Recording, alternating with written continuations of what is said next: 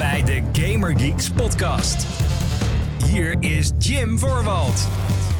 Hallo mede Geeks, wel leuk dat je luistert naar de Gaming Geeks podcast, de wekelijkse talkshow van GamingGeeks.nl, waarin ik en de mede Geek je graag bijpraten over alles wat er gaande is in en rondom de gaming, gaming-industrie. Ik ben Jim en tegenover mij zit de man. Hij breakt alles soul. Uh, Johan Kreek, hallo, welkom. Hallo, hallo. Welkom.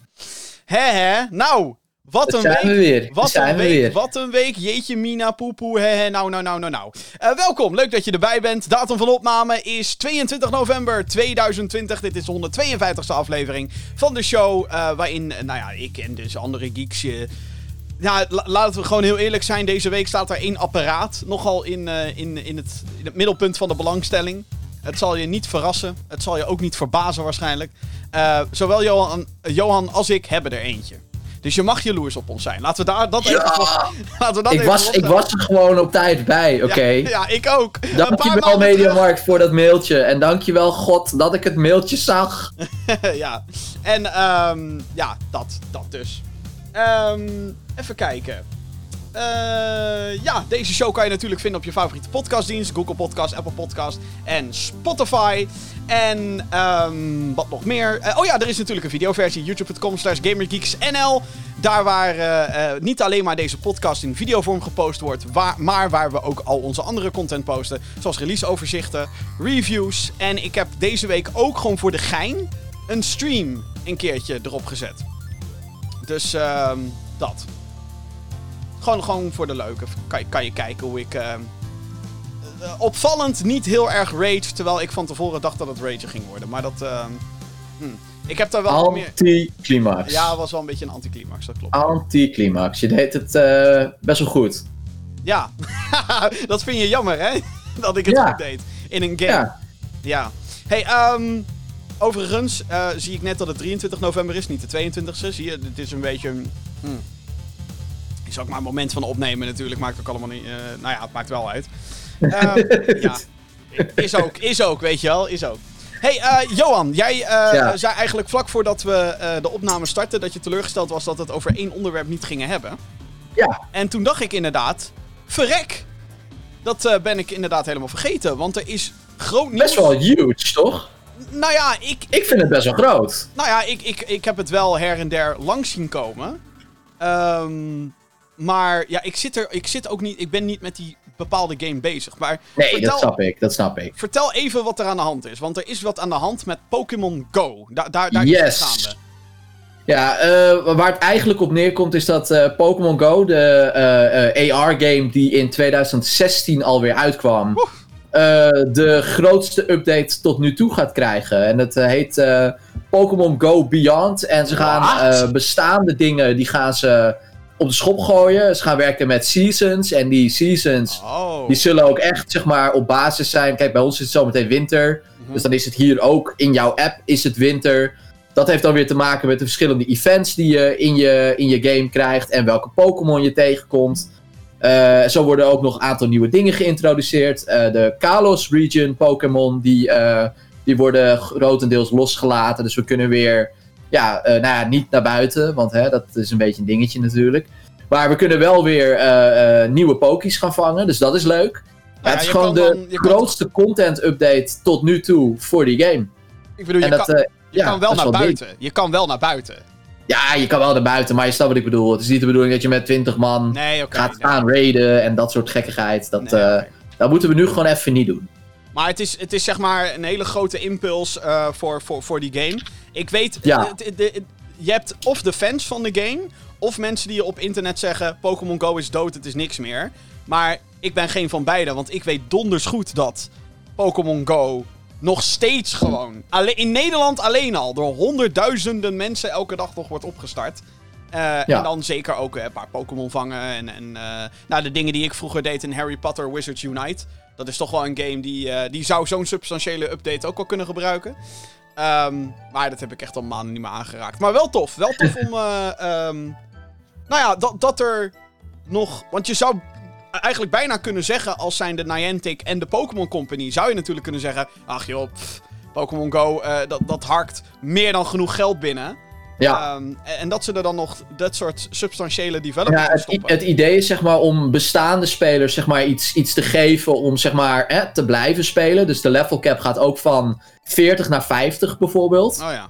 Eh, en eh, het idee is natuurlijk ook doordat ze wat dingen wat meer gaan streamlinen. Het zal bijvoorbeeld ook makkelijker worden om te kunnen levelen. Wat voor sommige mensen een reden is geweest om gewoon te denken: ja, ik stop ermee, want hè, het is uitzichtloos.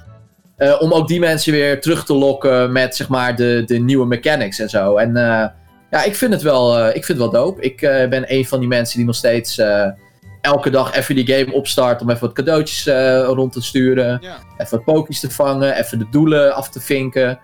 En ook als ik zeg maar, nou ja, nu niet meer zo vaak natuurlijk, maar als ik op straat ben, ook gewoon eh, om de tijd te doden. Ja, nou, het is toch, toch, toch tof, zeg maar, dat dat gebeurt. Dat er positief nieuws komt uit een live service game. Ja, toch? Ja, ik, eh, ik eh, vond dat we hem nog wel even mee moesten pakken. Ja, nee, precies. Nee, nee, meer, meer dan terecht, meer dan terecht. De playlist. Nou ja, ik denk dat we niet echt... eh Wij hebben een PlayStation 5. Holy shit. Eh, hoe, hoe blij zijn we, Johan? Van een schaal van 1 tot 10? Ehm, Zeg maar stop. Oh, eh 1, 2, 3, 4, 5, 6, 7, 8, 9, 10, 11, 12, 13, 14, 15, 16, ja, heel blij. 180. Heel blij. Ja. En dat ding wat je in je handen hebt, de DualSense controller voor de PS5, dat ding is ook geweldig. Ja, eh, mocht je het gemist hebben, hoe kan je deze podcast luisteren en datgene gemist hebben? Maar goed, Ehm, de PlayStation 5 is afgelopen week eindelijk uitgekomen in Europa. Eh, Johan kon het in ieder geval even niet meer handelen als het ging om het feit dat de Amerikanen hem een week eerder hadden dan wij. Dat was ja, echt, eh, jongens, kom op. nou Non-stop in die app was daar. Ja, kijk nou eens wat ze nou weer tweeten, klootzakken. wij hebben hem niet. Het was eh, een hele zoutige WhatsApp in de week van 11 eh, november, ja. Ja, ja, ja. Ehm, en eh, wat me ook wel opviel, is, althans, dat viel mij op omdat de mensen ehm, eh, eh, achter het social media team van PlayStation Nederland daarover aan het tweeten waren. dat, dat, ze, dat PlayStation echt ontzettend veel zoutige reacties krijgt omtrent de, de voorraad. Want probeer nou maar inderdaad een PlayStation 5 te halen of te vinden. Ja, je kan hem ergens vinden en dat is Marktplaats en eBay. Daar waar je er waarschijnlijk, ehm, nou ja, meer dan 1000 euro minstens voor, voor neer moet leggen. Eh, iets wat ik je ook totaal niet zou aanraden, want de enige die je daarmee helpt zijn de mensen die het verkopen. Eh, eh, ja, en je zou kunnen zeggen jezelf als je echt heel erg desperate bent voor die, voor die, voor die console, maar ehm, zonder al meteen in conclusies te trekken, ik denk niet dat, dat het het is nu nog niet strikt nood. Dat is trouwens bij elke console zo. Het is echt niet strikt noodzakelijk om hem meteen te hebben. Uh, maar zij kregen echt wel op social media wel heel veel reacties. En ik vraag me af of dat dan. Nou, eigenlijk wil ik aan jou vragen. Vind jij dat terecht dat zij. Um, nou ja, commentaar krijgen op, op het feit dat ze die PlayStation 5 promoten. En dat het de hele tijd. Kijk, kijk. Ja, kijk. Ik, ik, kijk, ik vind het moeilijk. Kijk, we, je had het net al heel even over het issue 11 nove of 12 november natuurlijk. De, de, de release dag voor uh, uh, ja, de, de eerste wereld, om het zo maar te zeggen. Um, ja, daar had, de, kijk, wat het probleem is bij PlayStation, en dat, dat probleem dat hebben ze eigenlijk al het hele jaar, is communicatie. Dat is zeker waar, ja. Het is communicatie, want uh, tijdens dat, dat event wordt dan de datum aangekondigd en dan wordt dan gezegd... Uh, eerst dit deel van de wereld en daarna een week later het andere deel van de wereld, de derde wereld, waar wij dus wonen. En uh, um, dan, denk, dan denk ik nog, ja, oké, okay, dat kan, prima. Als je dan vervolgens ziet dat zeg maar, dat, dat die datum, eigenlijk die 19 november, is gewoon compleet flauwekul. Want al die games, die worden ineens verschoven naar 12 november. De controller kon je al kopen op 12 november. De console? Nee, die, die, die houden we nog heel even achter. Ja, want ik had die, inderdaad, net zoals... nog niet verkopen. Ik had inderdaad net zoals jij. We hadden al een controller liggen, een week lang. En een paar games in hoes en gewoon een soort van klaar om gespeeld te worden. Alleen... Exact. Ja, uh, we konden de DualSense in theorie wel gebruiken. Op PC kan je hem gebruiken, maar niet waar die voor bedoeld is natuurlijk. Niet waar die voor gemaakt was. Dus dat nee, maar kijk, en, en het probleem is daar dus, die, maar die console was in Nederland. En dat wordt bewezen door PlayStation zelf. Die uh, uh, mensen als Enrico Verhoeven of allerlei andere influencers ja. een PlayStation toestuurt. Ja. Op 12 november. Ja. En dan denk ik, eh, en dat is niet, niet uit jaloezie naar de influencers, want weet je, ik snap ook wel dat zij zo'n ding gratis krijgen en wij niet, weet je, daar heb ik vrede mee. I don't give a shit, ik geef het geld er graag aan uit. Eh, maar dan heb ik wel zoiets van, dan ben je iets aan het communiceren naar jouw consument. Eh, en wij zijn in deze ook gewoon consument, want wij hebben het ding ook gewoon gekocht. Ja, wij zijn gewoon, wij zijn geen... Ik bedoel, wij, wij, wij pretenderen graag pers te zijn. wanneer het ons uitkomt. Alleen wanneer het ons uitkomt. Alleen ja, als de bluffkaart getrokken wordt. Ja, kijk, weet je, ik bedoel, eh, om, om meteen daarin transparant te zijn. eh, soms vraag ik inderdaad recensiecodes aan voor games. Maar dat doe ik ook niet heel vaak meer. Meestal koop ik gewoon een game als ik, als ik er sowieso benieuwd naar ben. Er zijn wat uitzonderingen. Ehm, zoals 13 Remake, waar ik het vorige week over heb gehad. Daar heb ik een recentiecode van gekregen. Ehm, en ik heb wel een paar aanvragen uitstaan en zo. Maar ehm, meestal koop ik inderdaad mijn games gewoon. En hetzelfde geldt dus ook voor een console. Ehm, gewoon gepreorderd hoor. Gewoon, ja. Ik was, ik, ik wij zijn één van jullie. maar dan de Maar ja, waar, Bastard. waar ik dus fundamenteel een probleem mee heb, is dat die dingen in Nederland waren. Ja, op de 12. Eh, eh, op de 12e. En dat we dus, ofwel we hadden kunnen zeggen, we gaan met z'n allen los op de 19e. Ofwel alles had naar voren gehaald moeten worden. En gewoon 12 november. Want ik vind gewoon dat je consument aan het pesten bent. Op het moment dat je, dat je wel, zeg maar, de, de PlayStation aan het uitdelen bent. Als zijnde gratis. nou, dat, ja, dat vind ik. Ik bedoel, eh, dat- daar mag je het mee eens zijn, daar mag je het niet mee eens zijn. Maar dat vind ik. Ik heb als consument echt zoiets van. Waarom, waarom krijgt Rico Verhoeven in vredesnaam zijn PS5 vandaag? Moet ik nog een week wachten terwijl ik weet dat hij in het depot van Mediamarkt staat? ja. Daar heb ik een probleem mee. godzijdank is er niks ingebroken. Maar vind je ook dat, want waar de kritiek naar PlayStation nu vooral ligt, is natuurlijk de tekorten. En dat gewoon niemand aan zo'n ding kan komen nu. Wij zijn Ja, kijk, lucky few. Ja, nee, klopt. Verdienen Ja, ze dan het, het ook probleem die... wat, je, wat je aankaart is natuurlijk een probleem wat we elke console launch hebben. Omdat eh, sommige mensen Nederland niet eens op de kaart kunnen aanwijzen. Eh, wat eigenlijk heel dom is, want als je een beetje je research zou doen. eh, daarom hebben wij bijvoorbeeld heel vroegtijdig Disney Plus gekregen. Wij zijn een innovatorsland. Wij hebben een van de beste internetverbindingen in, in heel de wereld. Dus bijvoorbeeld zo'n PlayStation 5 Digital Edition. Die kan je hier prima testen, weet je wel? Eh, en ook als je gaat kijken naar eh, eh, de, de dekking van PlayStation in Nederland. Qua wie heeft er een PlayStation. Nou is dat natuurlijk een beetje no contest. Want ik bedoel, Xbox heeft het gewoon grotendeels overal verloren. Dus heel de wereld kleurde wel redelijk blauw, om het zo maar te zeggen. Maar Nederland is gewoon best wel een innovatorsland. En als je ook gaat kijken van wat hebben Nederlanders te besteden, bla bla bla bla. Wij zijn een rijk land, dus wij kunnen die PlayStation 5 gewoon kopen.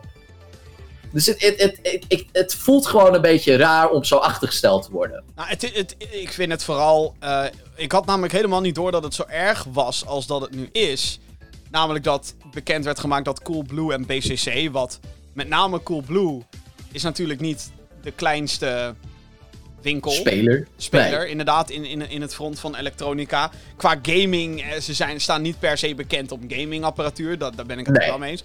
Maar dat je dan moet horen dat dat soort vestigingen slechts 200 exemplaren krijgen. Give or take, personeel krijgt voorrang, bla bla bla. Daar waren mensen ook weer boos op geworden. Whatever, dat is volgens mij gewoon best wel standaard. in Dat is gewoon iets wat je niet naar buiten moet communiceren. Dat was inderdaad ook dom. Kijk, maar moet je aan niet de zeggen. aan de andere kant, stel dat blijkt dat 80 BCC-medewerkers van de 200, dan worden mensen ook weer boos. Dus het is maar net choose your evil, zeg maar.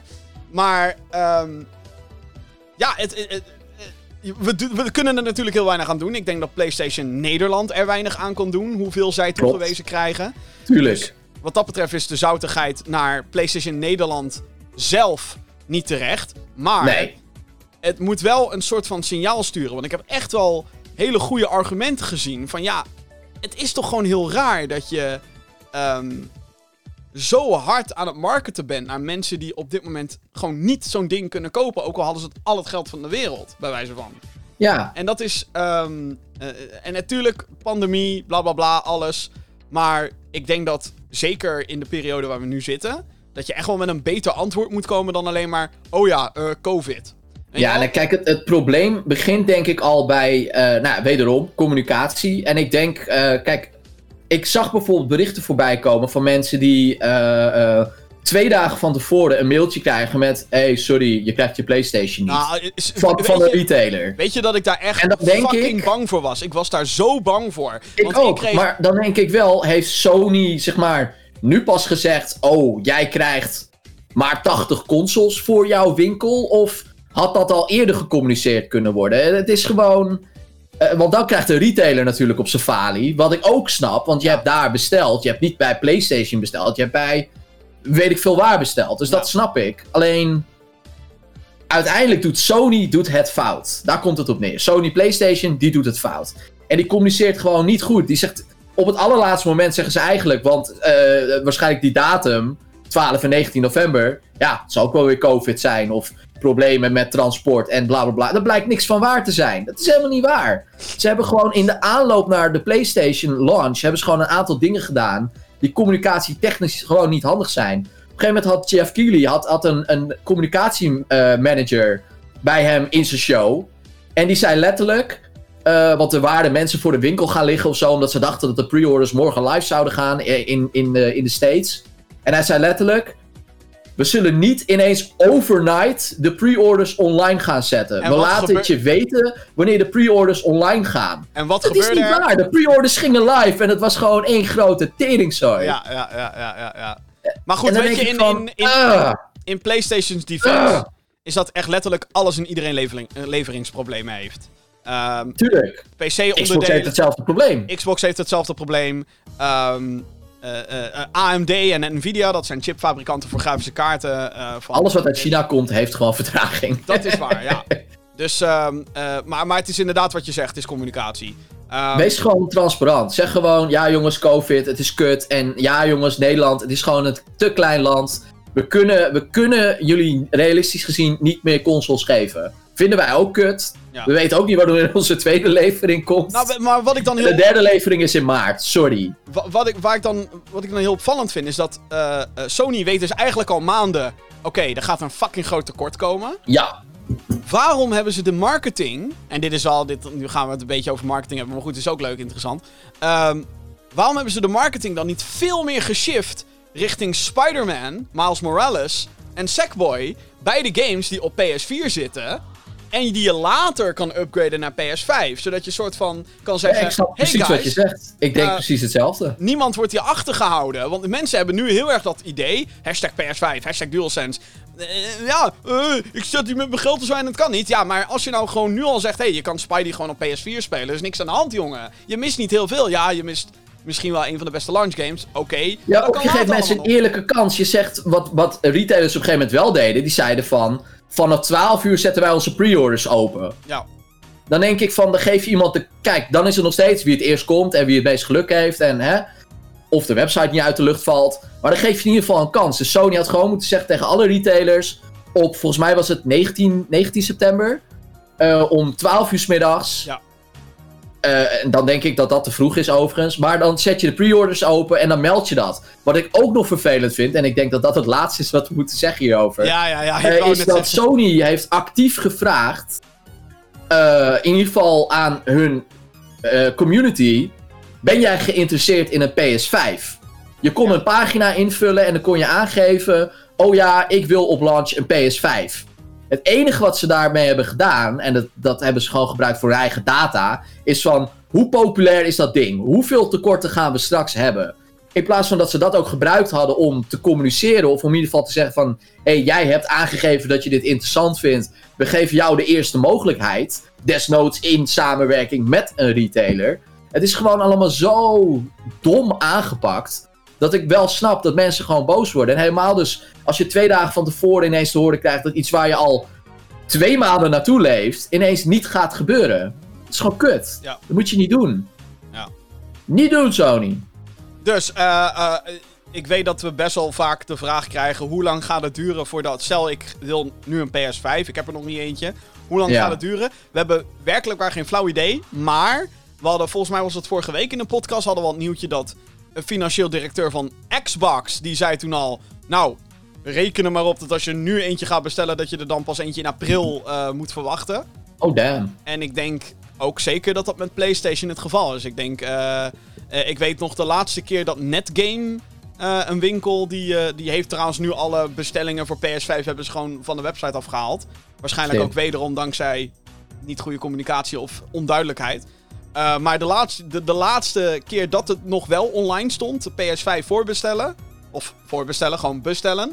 Levering maart 2021. Dus het is echt wel heftig. Het is, het is Maar ditzelfde tekort, los van COVID, eh, ontstond ook rondom de PS4. ja, maar die was niet zo heftig. Jawel. Nou, in ieder geval wel waar ik werkte. Oh, oké. Ja, nee. Ik heb, eh, ik heb echt nog tot en met eind februari, begin maart, heb ik nog lijstjes afgewerkt. Met pre-orders. Oké, ja. Oh nee, ja. Misschien is dat gewoon omdat er...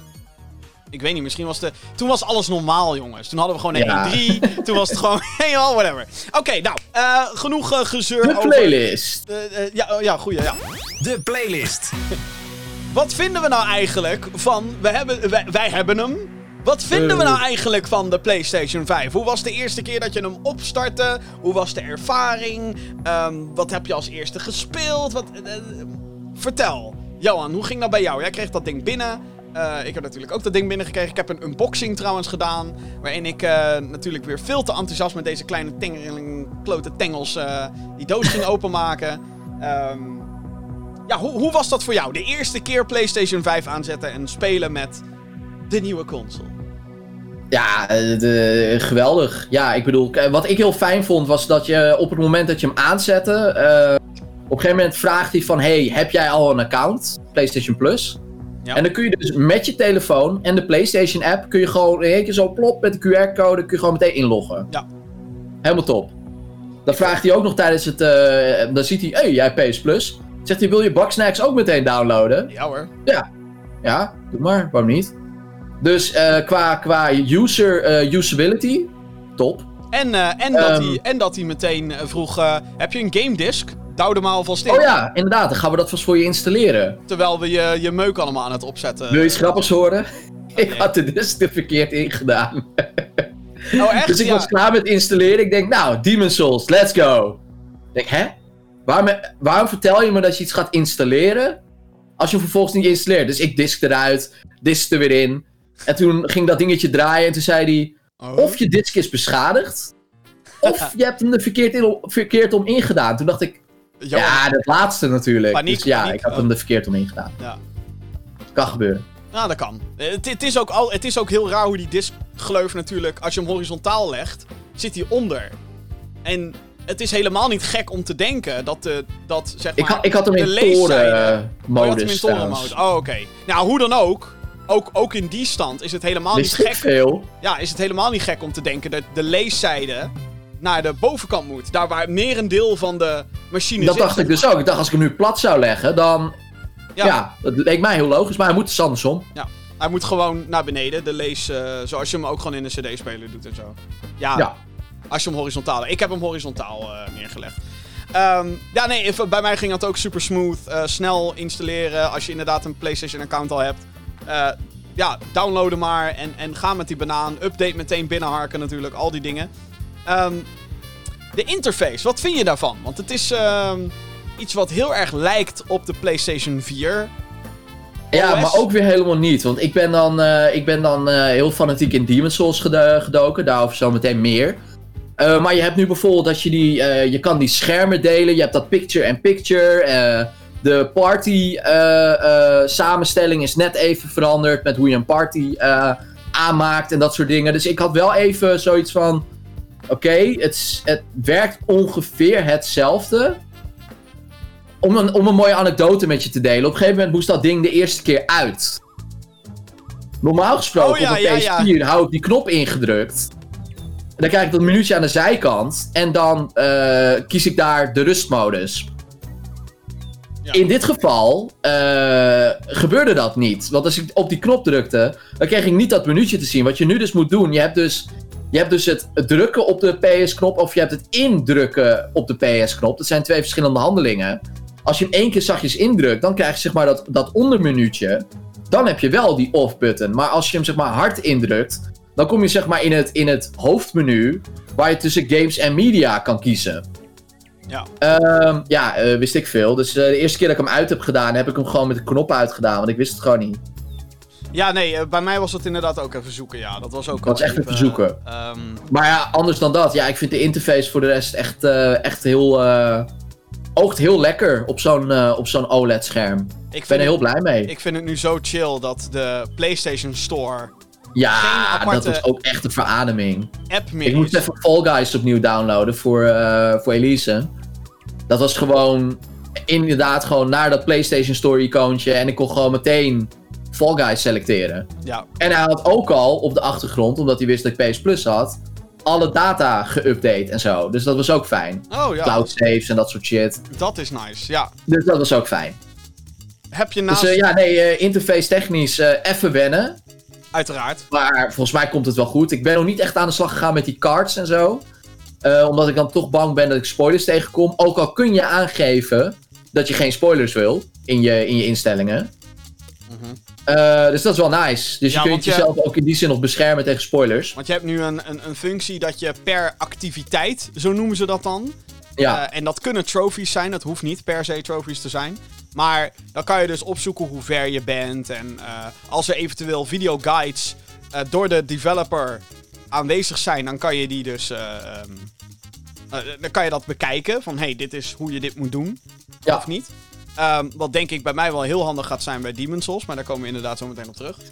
Ehm, maar ja, het is vooral nu heel erg zoeken. En ook nog wel wat dingetjes onduidelijk hoor. Want ik wilde op een gegeven moment gewoon weten wat. eh, zeker als je net je PS5 hebt. Hè, je gaat een zooi ga je allemaal in één keer binnenhalen.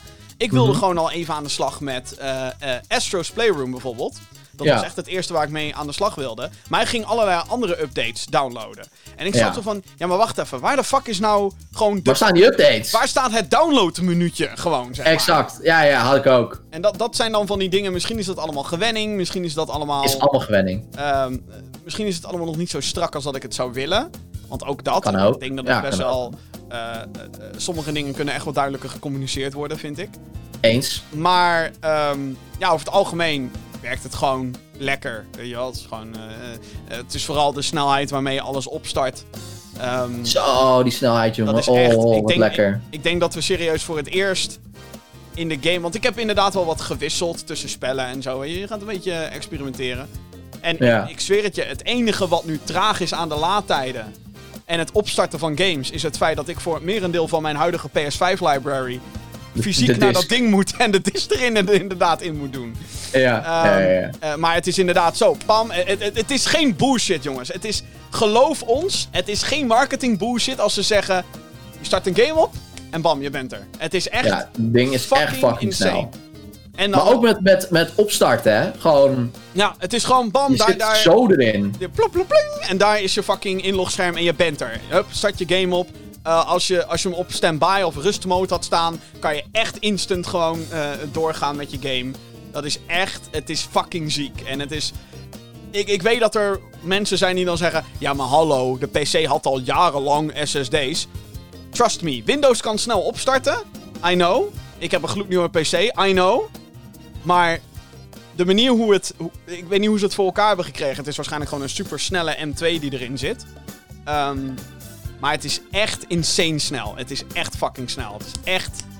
Mark Cerny heeft niet gelogen. Het was geen bullshit. Het was geen Nee. bullshit.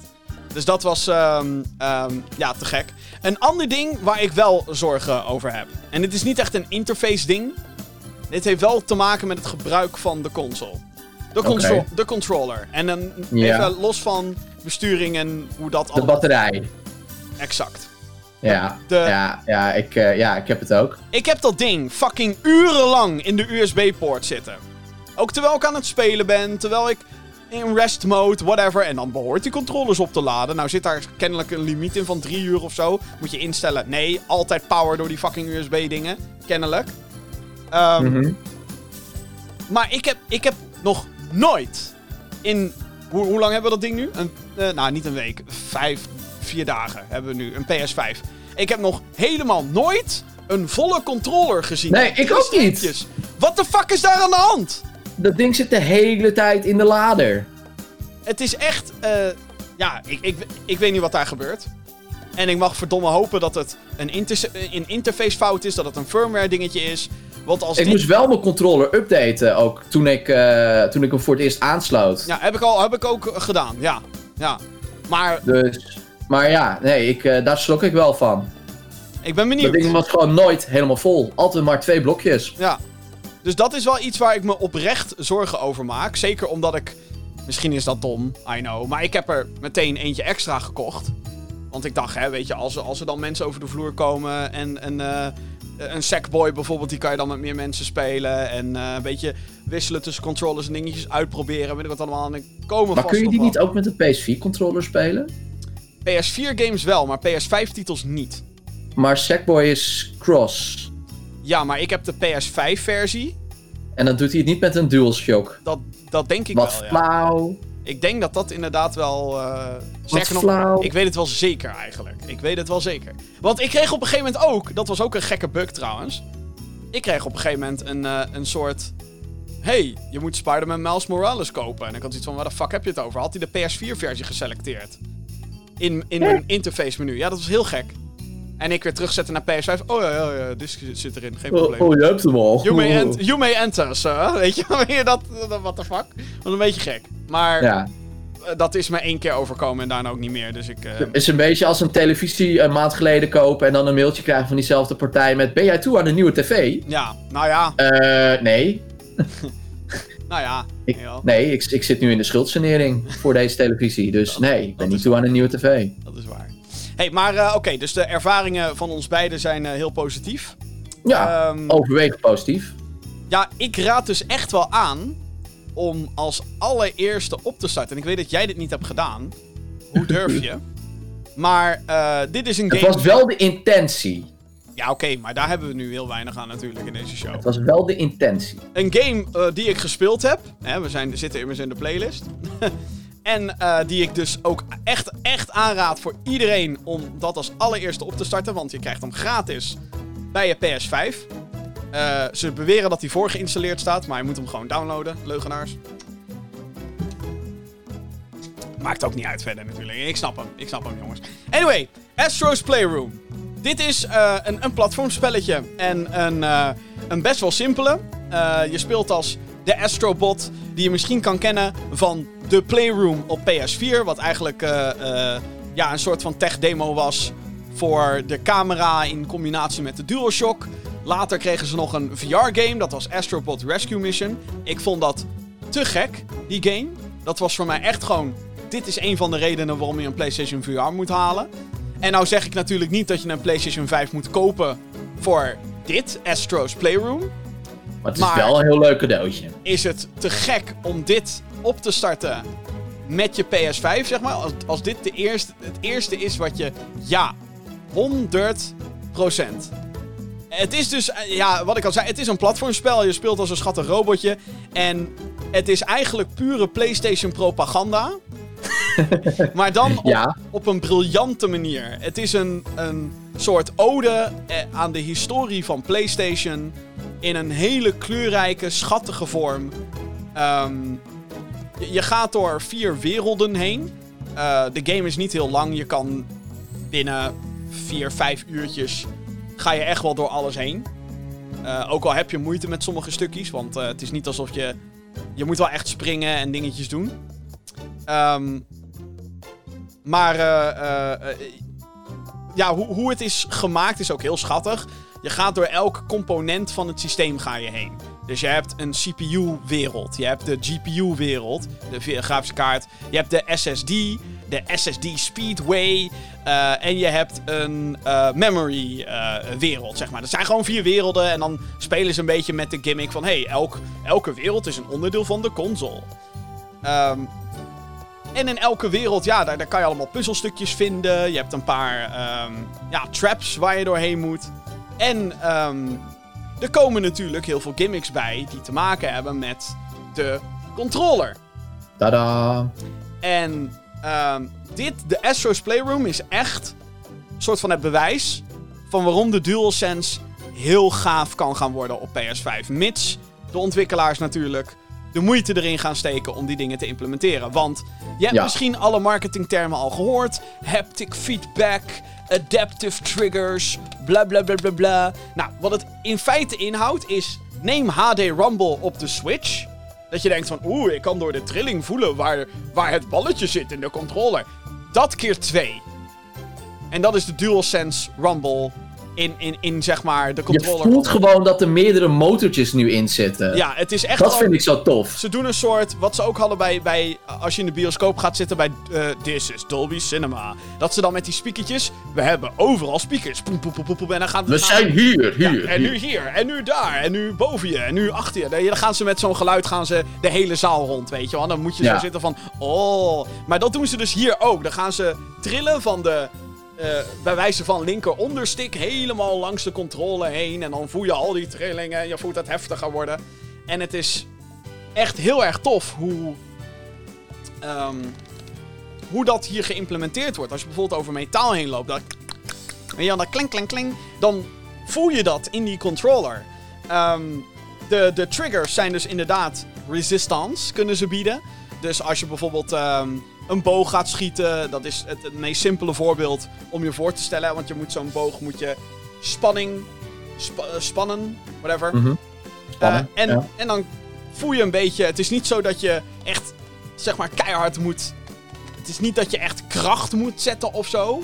Maar je moet net wat meer moeite doen. Ja, voordat mensen bang zijn dat ze. Weet ik veel, dat hun kind niet kan spelen. Omdat ze de triggers niet. Jawel, dat kan wel. Maar. ehm, dat soort dingen worden hier allemaal op een geweldige manier geshowcased. En het is heel lastig om erover te praten. Want dit is zo'n dingetje. Een beetje net zoals met VR eigenlijk. Je moet het Je moet het meemaken. ervaren, Je ja. moet het voelen. Je moet het, je moet het ervaren, inderdaad. En het is ehm, heel erg tof hoe dat hier gedaan wordt. Daarnaast is Astro's Playroom ook, wat ik al zei, een super schattig spelletje. En eh, zeker als je heel erg begaan bent met games en de historie van PlayStation, is dit fantastisch. Want ze, er zitten overal referenties naar, naar allerlei verschillende franchises die zowel van PlayStation zijn als die veel hebben betekend voor PlayStation. Ehm, eh, er is bijvoorbeeld één level waarin de Rubber Duck tech demo van PS3, zeg maar, speelt een rol. Dat soort shit zit er allemaal in. Het is te gek. Het is een soort nostalgia trip dus ook meteen. Met natuurlijk als soort van... Ja, zijn het spoilers voor Astro's Play whatever. Maar je gaat zeg maar door de historie van PlayStation heen. En dat kan je in je eigen volgorde doen zoals je dat wil. Dus ik begon toevallig bij de wereld waar PlayStation 3 veel in te zien was. Mhm. Ehm, maar elke console komt aan bod. Vier werelden, vier oudere consoles. Dus je snapt hem wel. Ehm, dus je kan ook wel een beetje raden wat er aan het eind gebeurt. En wat dan de soort van message is. Welkom Ja. bij PS5. En het is, Ja, precies. ehm, wat ik al zei, het kan overkomen als pure PlayStation propaganda. Maar als iemand die dus inderdaad die interesse heeft en die heel veel referenties snapte die op de achtergrond en eh, eh, soms ook duidelijk op de voorgrond verstopt zijn. ehm, prachtig. Het is echt zo charmant. Het is zo... En het is zo stressloos. Nou, lekker Astro's Playroom, een paar voorwerpjes verzamelen.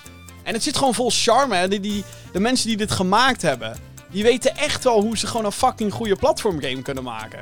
Ik zag ook heel veel... eh, het sentiment op Twitter was vooral heel erg... Ik wil meer Astro-bot. En ik ben het daar zo mee eens. En deze gastjes zijn schattig. Deze gastjes zijn heel leuk. En het is... ehm, in deze games wordt echt moeite gestopt. En dat zeg ik als iemand die Rescue Mission op PlayStation VR te gek vond. En ehm, nu ook Astro's Playroom dus eh, best wel veel heeft gespeeld. Dus eh, Ja, te gek. ja ik, ik, heb hem, ik heb hem zelf nog niet gespeeld. Maar het lijkt een beetje alsof dit gewoon zeg maar de, de Mario 64 is voor de PS5. Eh, ja, nou, zo ver wil ik niet gaan. Want ik denk niet dat dit een product is waar. Zoals Super Mario 64, waar mensen na 30, 20 jaar nog zeggen. Dit wil ik nog een keer spelen. Hè. De- de- Nee, oké, nee, maar, eh, dat komt natuurlijk ook omdat we echt naar 3D gingen. Ja. Maar het is wel. Ik denk dat dit Showcase voor de gewoon console. de showcase voor de console is. En als ze dit. Ja. eh, eh, als je dan een tech demo moet maken voor je console. Dit is. Oké, laat, ik, laat ik het zo zeggen. Dit is een van de beste showcases. Speelbare showcases van een console. Sinds Wii Sports. De beste. Sinds Wii Sports. Nice. En Wii Sports was voor heel veel mensen eigenlijk al de reden om een Wii te halen. Toen de Mhm. tijd natuurlijk. 2006, dames en heren, lang geleden. Maar ehm, Ja, nee, het is, het, het is super charmant. Dus uh, mocht je een PlayStation 5 gaan halen, uh, of, of je hebt hem al, Johan, skip dit niet, want het is heel erg tof. Ik ga het niet skippen. Het is absoluut niet de intentie om het te skippen. Ik ben heel benieuwd. Oké. Okay. nou, ja, zal ik even dan langs de games gaan die ik nog meer heb gespeeld? Ja, ja, pak, pak inderdaad die, uh, die Friendly Neighborhood er ook nog maar even bij. Ja, ik heb, we, ik heb dus kunnen inderdaad... We komen tot, uh, tot, uh, tot de kern. Ik heb Spider-Man Miles Morales natuurlijk gespeeld. dit is een semi-vervolg. Het is geen volwaardige nieuwe game. Um, ja, vervolg op Spider-Man uit 2018. Ontwikkeld door Insomniac Games. En um, het te gek spel. Uh, de, de, het origineel. De remaster heb ik trouwens niet gedaan. Ik heb alleen uh, me gefocust nu nog op Miles Morales. Mm -hmm. En uh, dit is een game die speelt zich een paar maanden na het einde van, van Spider-Man af. Um, en je speelt nu als Miles. En dat is een, ook een tienerjongen. Of nou, althans ook. Peter is wat ouder, maar zo ziet het er niet meer uit natuurlijk. Maar um, Miles is een tienerjongen, heeft spider powers en um, moet de stad New York gaan beschermen. Daar komt het eigenlijk op neer. Er is nu weer een of andere energiebedrijf wat de boer weer gaat overnemen. Foute boer, wat is er allemaal aan de hand? Oh jee. Nou ja, mag je allemaal lekker zelf gaan uitvogelen. Het was voor mij vooral heel tof om nu een Spider-Man game te spelen. Voor mij voor het eerst in 4K. Ja, want dat is ook... Uh... Ik bedoel, ik had een PlayStation 4 normaal. Ik had geen Pro of whatever. -hmm. Dus voor dit eerst een Spider-Man game in 4K. En op 60 frames per seconde. Um, kijk, in de kern is Miles Morales gewoon een uitbreiding op, op Marvel Spider-Man. Het is gewoon dezelfde mechanics, dezelfde gameplay, dus, bijna dezelfde New York, dezelfde swing mechanics. Ze hebben wel wat dingen toegevoegd. Miles Morales heeft uh, Venom attacks, waarbij je um, vijanden kan stunnen en, en area of effect uh, aanvallen kan uitvoeren. Dus hij is wat minder van de spiderweb gadgets die Peter Parker had in uh, 2018 Spider-Man. Hij heeft er natuurlijk wel een paar. Maar uh, niet zoveel als Peter. Geloof ik. Ik bedoel, ik heb de game nog lang niet uitgespeeld. Maar um, ja, hij, hij, hij, hij heeft dus die, die, die Venom powers heeft hij. En dat, met, daarmee bedoel ik overigens niet dat hij Venom Venom is. De symbioot. Ja, ik vind, ik vind dat een hele verwarrende woordkeuze. Is het ook. Ja, is het ook. Het is niet heel, heel slim bedacht. Nee, um, hij heeft electro powers eigenlijk. Hij is gewoon electro.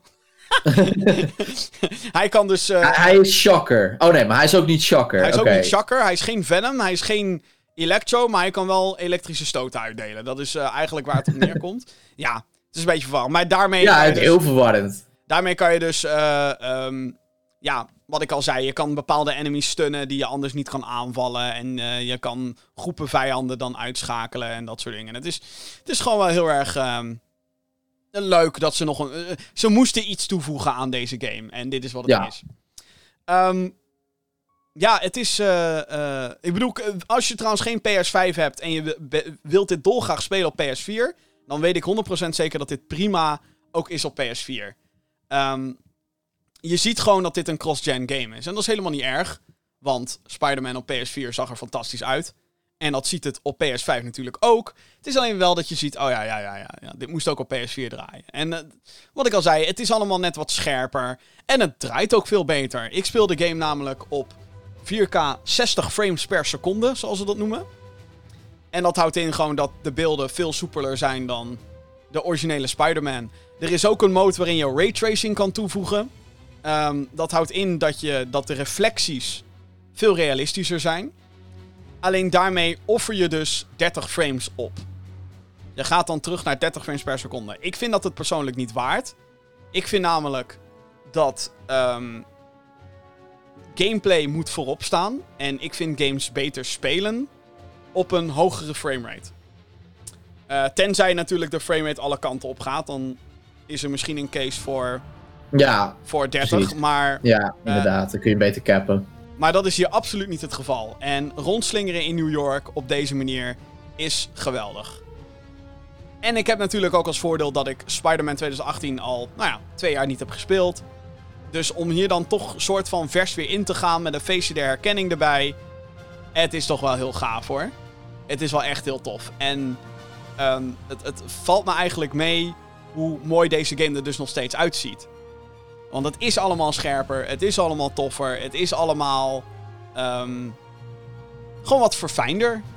Of, Mhm. de ga- of dat ook voor het verha- verhaal geldt en dat soort dingen, dat weet ik niet. Want ik ben wel heel erg gehecht aan Peter Parker uit de vorige game. En die, ja, zijn letterlijke excuses nu, hij is op vakantie. Ehm, Ja, eh, sorry. ja, sorry, ik ben op vakantie. Ehm, ik heb, ik heb een vermoeden, maar ik heb hem nog niet uitgespeeld, dus ik weet het niet. Maar ik heb een vermoeden dat er wat meer achter zit. Maar who knows? Ehm, maar het is wel. Ze zijn natuurlijk eh, aan, de, aan de slag ook met een tweede Spider-Man. Dus eh, Ja, nou ja, ik, ik, ik, ik, ik denk dat dat ook de, zeg maar, de echte stap vooruit gaat worden. Eh, dit is gewoon een tussendeel. Ik moet wel zeggen. En ik denk ook niet dat deze game trouwens net zo groot is als 2018 Spider-Man. Als in qua content en zo. mhm. En dat gezegd te hebben, vind ik 60 euro voor alleen Miles Morales wel heftig. Als ik heel eerlijk ben. Ik weet dat het op PS4 is het volgens mij 50 of zo. Maar ook Uh-huh. dan... Oei. Ik bedoel, het is een kwaliteitsgame. Don't get me wrong. Maar het is wel... Hè? Ik bedoel, het is wel gewoon Spider-Man. Maar dan... ja, ik vind het een beetje veel geld voor, eh, gechargeerd gezegd, een reskin. Ja, en dat is wel heel erg inderdaad gechargeerd gezegd. Want hey, er, ze hebben best wel veel moeite gedaan om ehm, eh, wat dingetjes te veranderen. Zoals eh, de, de soundtrack is echt helemaal gemilest, Oh. zeg maar. Ja, ze hebben inderdaad eh, hele vette shit gedaan met, met muziek ook. Ja, ja, ja. Ze hebben echt gewoon de, de, de main theme is anders gemaakt. Alles is wel echt voor Miles Morales gemaakt, zeg maar. Dus het is niet alsof Ja. ja, het gewoon letterlijk dezelfde interface ook eh, letterlijk overal is. Het is alleen wel zo dat ik de storyline van Miles nog niet... Hij, ja, ik weet niet. Misschien is dat heel gek om te zeggen, maar hij komt gewoon heel erg over als een andere versie van Peter. In, Ja. in dit verhaal. Zeker ook omdat hij nu een, een beste vriend heeft die zijn identiteit kent. Wat dus weer heel erg doet denken aan net uit de Spider-Man Homecoming films, de Eh, Marvel films. eh, eh. Eh, dus die, die dynamic is er nu. Maar dan is het niet Miles. Maar dan, of dan is het niet Peter die die, die dynamiek heeft, maar Miles. En het is een beetje... Ja, ik, had- ik had ze denk ik wat meer samen willen zien, Peter en Miles. Hoe hij hem eh, toch een soort van opleidt om een Spider-Man te zijn. Mhm. Want hier is het soort van... De game begint met dat ze tegen Rhino gaan vechten. En daarna is het van... Oh ja, by the way, ik ga op vakantie. Doei. Hey, tjallas. Ja, veel succes met... eh, Bahama's. ja, veel succes met New York beschermen. Eh, dus eh, ik vind dat wel jammer. Ik mis dan gewoon een beetje die dynamiek. En er zijn wel eens hè, dat ze elkaar even bellen van... hey, hoe gaat het? Dus dat is dan wel leuk. Maar ja, ik, ik weet niet. En, en we wisten van tevoren natuurlijk... dit zou geen volwaardig vervolg zijn. Dit is gewoon een Far Ja, Cry... daar zijn ze altijd heel, heel open over geweest. Ja. Nadat, het, nadat er gevraagd werd. Ehm, maar goed, dat gezegd te hebben, weet je, het is meer Spider-Man en het is scherper en vloeiender dan ooit. Ja hoor, prima. Alleen moet je je wel even voor je, als jij van plan bent om deze game te kopen, moet je wel even voor jezelf nagaan of je het die prijs waard vindt. Want ik denk dat dit wel, als deze na een jaar 20 euro is, weet je wel, prima, Mhm. prima. Ga je gang, weet je wel. Voor 60 euro? Mm, I don't know. Ja. En misschien ben ik dan een salty motherfucker die zoiets heeft van... Ik wil waar voor mijn geld, weet dan maar. Alsnog. Dus dat. Eh, maar maar heel, heel erg gaaf. En als we, het dan, eh, als het dan gaan hebben over PlayStation 5 specifieke dingen... Nou, wat ik al zei. Grafisch mooier. Ehm raytracing zit er dus in. Ik zou het niet aanraden, eh, wat ik al zei. Want ja, het is tof dat je die real-time reflecties hebt. Maar in Spider-Man ben je heel veel snel aan het rondslingeren. En snel aan het rondspringen, vechten, ps, ps, ps, web swings, bla bla bla bla aan het doen. Dus wanneer ga je nou echt naar die reflecties kijken? ja, ik wil toch gewoon die, refle die, die reflecties in die plassen zien. Ja, prachtig. Mooi man. Ja. 30 frames weg. Nee. Ik zou zeggen, gewoon lekker op 4K, 60 fps of 1080p of 60, whatever, maakt niet uit. Lekker hoge framerate doen.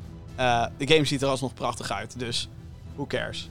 Ehm, ja, de DualSense, ja, het heeft dezelfde type trillingen. Soms dan is dat webschieten net even, hè, moet je net wat beter indrukken om dat eh, te kunnen doen.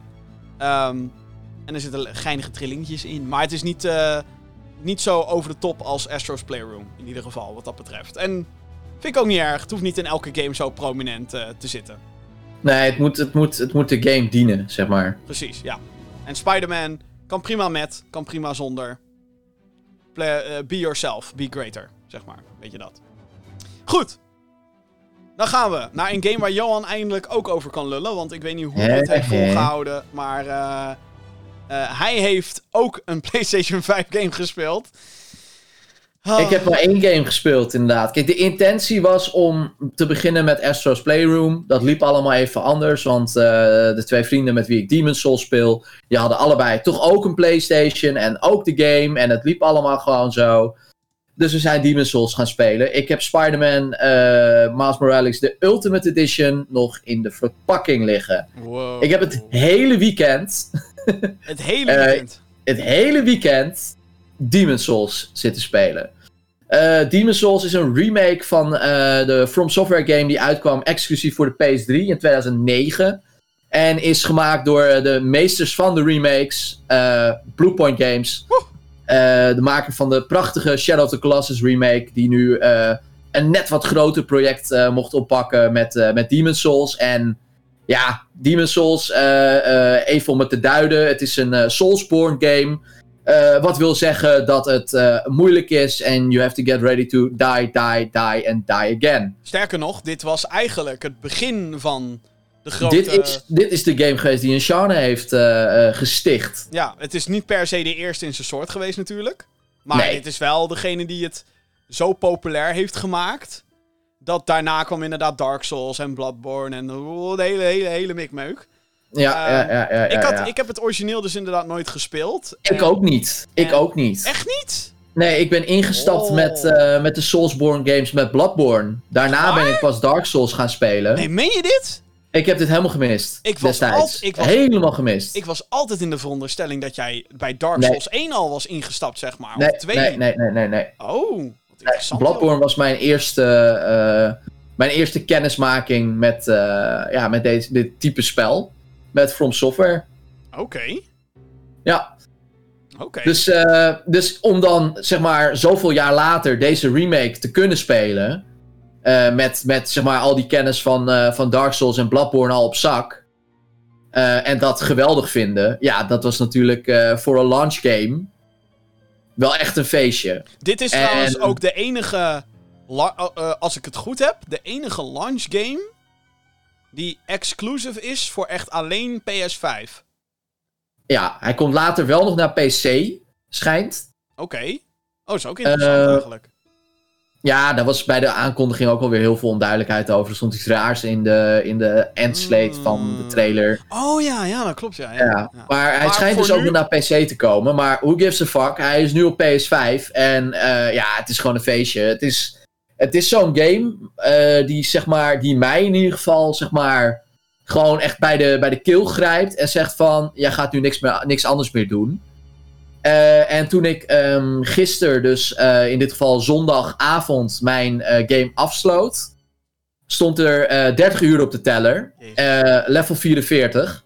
Tering. Ehm, dus ik heb, ja, ik heb echt flink wat uren al in deze game gestoken. En het is gewoon. Het is gewoon geweldig. Kijk, ik heb het origineel niet gespeeld. Maar ik heb daar wel al comparison video's en zo van zitten kijken. En als je zeg maar ziet hoe, ehm, hoe trouw Bluepoint Games is geweest aan het origineel van From Software. eh, en hoe ze zeg maar gewoon die, die details in die wereld zeg maar zo mooi naar voren en, en tot leven laten komen. Dat is gewoon. Ja, dat is gewoon prachtig. En als je dan wel merkt dat zeg maar die, die combat. Want dat kun je wel voelen als je die eerdere games al hebt gespeeld van ze. Dat die combat gewoon voelt zoals dat hoort te voelen. Ja, dan, dan ben ik gewoon aan. Dan, eh, ja, nee, je, je ziet het. Ik heb het het hele weekend zitten spelen. Op een gegeven moment dacht ik van, eh, want mijn vrienden die waren er ook even niet. Van, ik kan wel even nu Astro's Playroom opstarten. En toen dacht ik, ja, maar ik kan ook nog even die gevangenis ingaan en die sleutel zoeken. En misschien nog even twee leveltjes omhoog. Ja. En dat, dat is zeg maar wat dit spel met mij doet. Ik ben er de hele tijd mee bezig. Oh, ja, dit is wel een heel grappig filmpje. Sorry, ik zie iemand gewoon te pletter vallen in een gat waar je niet per se te pletter hoeft te vallen. Ja, nee, dat Nee, is ik. deze game is gewoon, ja, is gewoon relentless. Het is gewoon zo moeilijk dat je eigenlijk de eerste keer dat je zoiets gaat doen, dat je misschien denkt van, ja, het is ook niet te doen. Als je nu trouwens denkt, wa- wa- wat gebeurt er eigenlijk? Nou, je komt in ieder geval in een of ander eh, koninkrijk kom je terecht. De, a- de, de wereld is naar de kloten, gaat langzaam naar de kloten door mist en zo. En jij bent de enige krijger die er nog wat aan kan doen. En het is dus een third-person, ja, action RPG wil ik het niet per se... Ja, het, Ja, is, maar is het wel? het, het heeft RPG-elementen als in levelen en, en dat soort dingen. Eh, maar de nadruk van de gameplay ligt vooral op het dodgen van eh, attacks, het parry, het verdedigen. Ja, het, het leren van, van, de, van de enemies eigenlijk, zodat je weet op welk moment hè, stap ik in, ja, op welk moment eh, eh, val ik aan, op welk moment moet ik inderdaad dodgen of, of, of, of iets in die trant. eigenlijk een beetje, eigenlijk is het gewoon Zelda gameplay natuurlijk, als je erover nadenkt. Ja, maar dan wel echt gewoon elke, elke slice telt in dit geval. Ja, echt wel fucking hardcore. Het is ook zo'n spel dat als je zeg maar, als je het dan fout doet, eh, dat, dat je alleen jezelf gewoon to blame hebt, zeg maar. Want de, game is wel gewoon in alles. Nou, ik, ik vind het spel niet oneerlijk, laat ik het zo zeggen. Nee. Daar kunnen we een discussie over hebben. Nee, kijk, de, de, ehm, de game leert je natuurlijk ook wel. Oké, er zijn dus een paar dingen om zeg maar de oneerlijkheid te bestrijden. En een van die dingen is een toffe online functionaliteit waarbij mensen vage boodschappen kunnen achterlaten. Dus Oh ja, ja, Dus dan- klopt. Die, die boodschappen kunnen je wel naaien, dat klopt. Ja, maar kunnen je ook heel erg helpen. Dus dan kan er bijvoorbeeld... Ook, zeker. Kan er bijvoorbeeld staan... eh, eh, links. Dus dan weet je, oké, links is iets waar ik op moet letten. Waarschijnlijk een vijand die in een fucking hoekje verstopt zit. Of een lampje. Of een lampje. Want ehm, je, je zegt dat niks oneerlijk is, maar ik ben het daar zo fundamenteel niet mee eens. Want deze game is... Er zijn ook gewoon hele obvious momenten... Dat ook als je... eh, zeker als je die berichtjes niet leest... Die achtergelaten wordt door spelers... Dan Ja. kan je echt wel zwaar de lul raken. Zonder dat je ook maar ergens kan verwachten dat zoiets gebeurt. Ehm, en, en dat gebeurt al aan het begin van de game. Dus je, de game leert je eigenlijk al heel snel van... we gaan je naaien. Eh, dus dan weet je dat alvast. Er zijn gewoon momenten dat er ineens een draak uit de lucht komt. Die fucking... Ja, oké, maar ja, dat, dat, Dat is er- wel by design, zeg maar. Zo zijn al die games. Dat er, dat er ineens... Ja, nee, maar dan... Het gaat even over fundamenteel is het eerlijk of niet. Ja, dat, dat- ja, nou ja, dat is het design. Dus ja, zo is het ontworpen. Ik Ja. bedoel meer van dat, Of dat, of zeg dat maar, er ineens een rots... alle klappen, alle manier waarop je ontwijkt, dat is eerlijk. Eh, ook Dat, daar ik... heb ik. ook daar heb ik al momenten gehad. En dat zijn voor mij de echte rage momenten. Ehm, het is namelijk... eh, eh, eh, deze game vergt precisie. En je zou natuurlijk kunnen discussiëren over... hoe precies moet je kunnen zijn. Oké, En volhardendheid. whatever. maar, en volhardendheid vooral. Want opgeven is... nou ja, als je, als, je iemand Makkelijk. bent, als je iemand bent die snel opgeeft... dan krijg je echt maar 2% van deze game te zien. En dat is bij mij Ja, meestal precies. zo. Met dit soort Dat, games. dat is misschien ook niet voor jou. Ehm, maar dat komt ook gewoon omdat er echt momenten zijn. Er is bijvoorbeeld een moment in de eerste paar uur. dat er ineens Ja. een rots achter je komt. Ja, die plettert ook met, verplettert ook meteen alle vijanden. En dat is dan een beetje de bonus. Maar als je dat niet weet en je bent low on health. en je denkt, nou, je kan wel even doorlopen. dan word je dus keihard genaaid daardoor. En Ja, je wordt afgestraft, dat klopt. I get it. Dat is dan een trap. En daar, dat moet je soort van leren. En I get it. Maar nu ben ik dus bij een bossfight, hè. Ik ben nu bij een fucking bossfight. Dat is de Torenridder. De torenridder. En dat is een fucking huge ass dude. En ehm, ik heb zijn patroon heb ik 100% door. Ik heb 100% door wat ik moet doen. Ik Ja. weet het. Ik moet eerst zeg maar langs hem heen rennen, naar boven gaan en een paar teringboogschutters die daar een beetje op mij staan te schieten. Ik Ja, eerst die moet even allemaal, doodmaken. even allemaal af, eh, af neerhakken, gewoon even neersteken. Dan Mhm. ga ik naar die guy toe. Dan ga ik vlak bij hem staan. Dan gaat hij zijn schild op de grond slaan. En dat is het Dan moment rol dat je weg. Ja, dat is het moment dat ik zijn enkeltjes een beetje moet raken totdat hij neerpleurt. Dan moet je op zijn hoofdje gaan hakken. Ja, Dat is het patroon, toch? simpel. Ja, Het klinkt simpel. Ja. Ehm, is het. is het niet. Eh, maar dan heb ik dus alsnog weer gehad dat dan, met of zonder lock-on, dat de arena net te klein is, dat de camera het niet goed bij kan houden. Oké. Dus dat ik dan tussen zijn benen ben, die camera weet niet waar hij naartoe moet, automatisch. Nogmaals, Oh ja, ja, oh ja, dat ben ik wel met je eens. Met ja, ik heb ook wel een aantal keer gehad dat En- die camera me naait. En als je dan doodgaat, ja, sorry hoor, maar dan is alle rages die ik, eh, nou, vanmiddag heb ik echt keihard zitten ragen op deze game, om deze reden, want dit Ja, ik gebeurde mij. tussen zijn benen of zo terecht inderdaad. En toen zag ik niks meer. Dat is kut. En, en dan ga je gewoon dood, want één of twee hits en je bent neer, vaak bij dit soort gevechten. Ja, ja, ja. Tenzij je obsessief gaat grinden, waar ik zo geen zin in heb, dat is echt... Ik heb het al gedaan omdat ik al een keer de fout heb gemaakt om niet... Want oké, dit is dus een, een- concept van die in al deze games zit. Is dat als je dus vijanden slacht, krijg je souls. En Ja. als je doodgaat, verlies je al die souls. Tenzij je weer terug kan gaan naar het punt waar je dood bent gegaan. Of de vijand kan killen die jou heeft gekild. En dan kan je alle zielen weer reclaimen. Ga je Ja. daarna nog een keer dood zonder dat je die zielen dus hebt gereclaimed, zijn ze weg. Doei. En dat is dus wat er bij mij is gebeurd. Ik ging de eerste paar uur ging ik super lekker. Iets van 7000 souls. Nu zijn er waarschijnlijk. 7000. Lekker. Nu zijn er natuurlijk mensen die zeggen. "Pah, ik ben verder in de game. 7000 is niks. Maar Nee, whatever. klopt. Ja, maar dan is het ook niks meer. Op dat moment is het veel. ja, En zeker. Zeker in het begin. je zou ook zeggen: ik ben te greedy. Whatever. De game is ook vaak expres vaag in zijn doen en laten. Dus als je Ja. eh, eh, niet weet wat je nou met die souls moet doen. Want dat is niet echt wat de game heel erg duidelijk maakt. Nee. Ehm, behalve dat je bij een blacksmith iets kan kopen. Oké. Maar er is dus ook een heel leveling systeem. En dan moet je ook bij een, een of andere chick doen. En dan moet je allemaal. Allemaal gedoe. Ja, natuurlijk. En, verschillende classes die ook weer bepaalde eh, perks met zich meebrengen Inderdaad. of niet. En het is. ehm, ja, ja. het- het- mm, daar kan ik dan echt niet tegen. Dus ik ben dood gegaan omdat. Ja, weet ik veel dat er een bos kwam. Oké, dat was dan mijn fout. Ben te greedy geweest. Maar nu probeer ik dus continu die bos te doen. En het is gewoon zo. Echt zo frustrerend als je dan door dat soort dingen kapot gaat. Ja, nee, eh, maar dat ben ik met je eens. Ik bedoel, als een camera je naait, dan is een game in die zin. Nou ja, niet eerlijk. Maar ik, ik, bedoelde, ik bedoelde meer in de nuances van de combat en dat soort dingen. En eh, eh, tuurlijk, een camera die je naait, dat is kut. Dat je ergens op hoort te springen. En dat je er dan toch met je bek afstuitert, zoals wat ik gisteren had.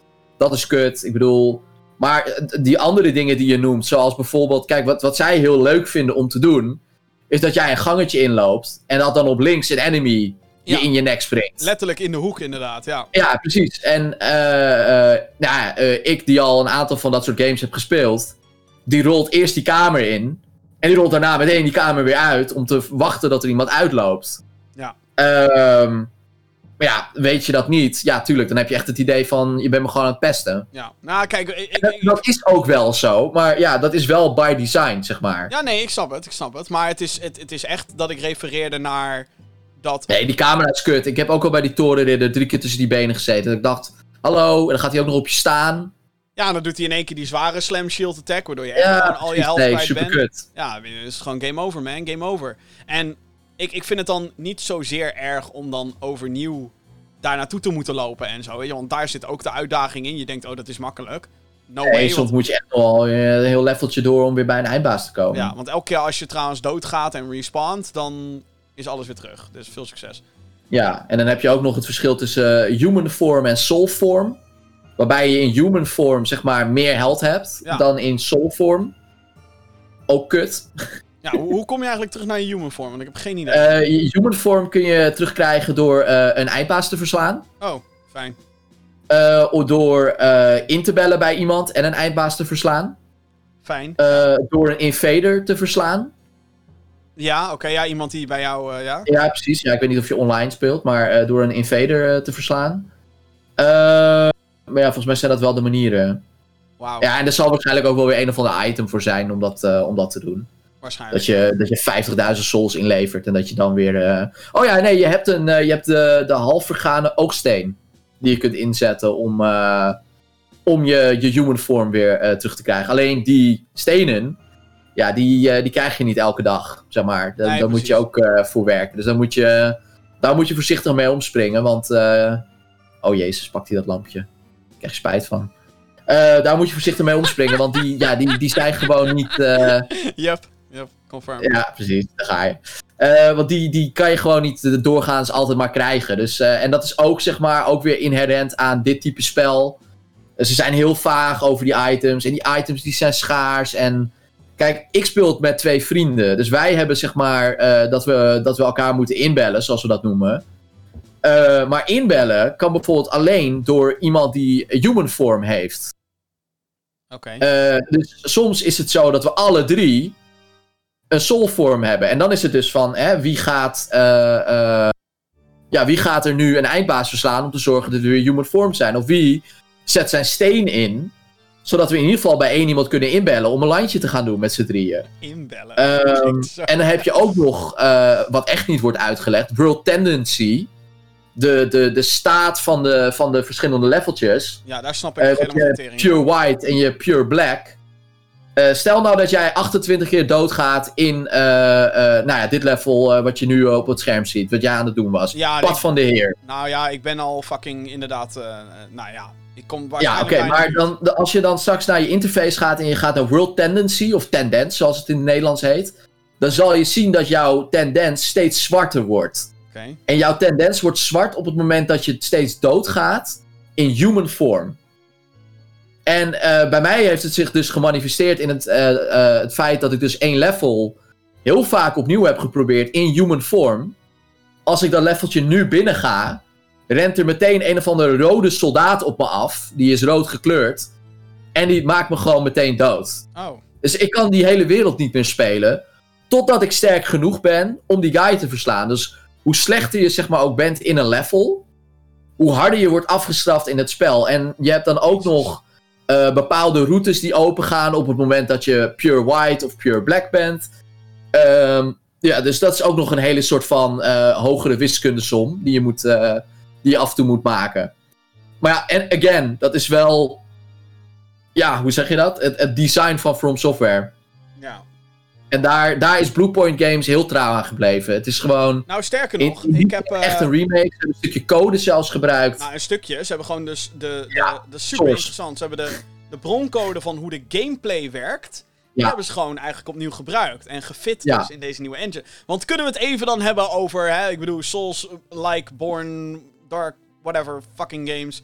Ehm, ja, dit is gewoon het origineel. Dus je weet eigenlijk wel een beetje wat je moet verwachten... als je wel eens Dark Souls hebt gespeeld. Ja, Ehm, of Bloodborne, of Sekiro, maar dan met RPG-elementen dat je kan levelen en zo. Ja. Ehm, maar zullen we het dan even hebben over het feit dat dit de looks. Play- de PlayStation 5 game is. En dat dit toch wel, eh, vind ik, van alle games die we gezien hebben, wel echt gewoon het beste showcased wat de console op launch in zijn mars heeft. Ja. Jezus man, wat ziet het eruit hè. Ik ben echt zo aan het genieten. Ik speel op eh, wederom 4K 60 frames per seconde. Ja, ik ook. Want die- Ik- die 60 frames die zijn heel handig in dit soort spellen. Ja, zeker. Ja, ik merkte in het begin wel wat frame drops, maar ik heb het idee dat dat toen meer aan mijn capture card lag, vraagteken? Ja, nee, ik heb, ik heb even met je mee zitten kijken natuurlijk. En jij hebt bepaalde dips die ik niet eens heb als ik met drie man tegelijk speel. Nee, maar ik moet ook zeggen dat als ik gewoon op PS4 speel zonder streaming, ik had mijn eerste paar uur gestreamd dus, Ja. ehm, toen had ik, heb ik er nooit last van gehad. Dus het is, Ik wou zeggen, het lijkt echt een. eh, eh, omdat je aan het, aan het streamen was, dat hij dat hij daardoor een soort van de hik had. ja, probably. Maar goed, ik whatever. te kijken op het eerste leveltje, dat ik echt denk van, jezus, wat heb jij... Ja, wat heb jij veel lag eigenlijk? Nou, er zit sowieso vertraging in. En dat is altijd een beetje het kutten met eh, zeker dit soort games streamen. ja, zeker. Als je een tussenapparaatje er gaat hangen. Want een capture Ja. card, voor degene die dan niet weten, is een apparaatje. En dan kan je, dat kan of eh, via USB aan je PC aangesloten worden, of intern. Hij zit bij mij intern, zit hij erin. En eh, ja, wat het eigenlijk is, is het stuurt een HDMI-signaal door. Dus op die manier kan je bijvoorbeeld PlayStation 5 gameplay capturen. Want je Ja. doet dan gewoon een HDMI-kabel erin. Super handig voor, nou, content creation en streaming. Joepie, leuk. Hey. Uh, maar goed, uh, de game is fucking mooi. Fucking smooth.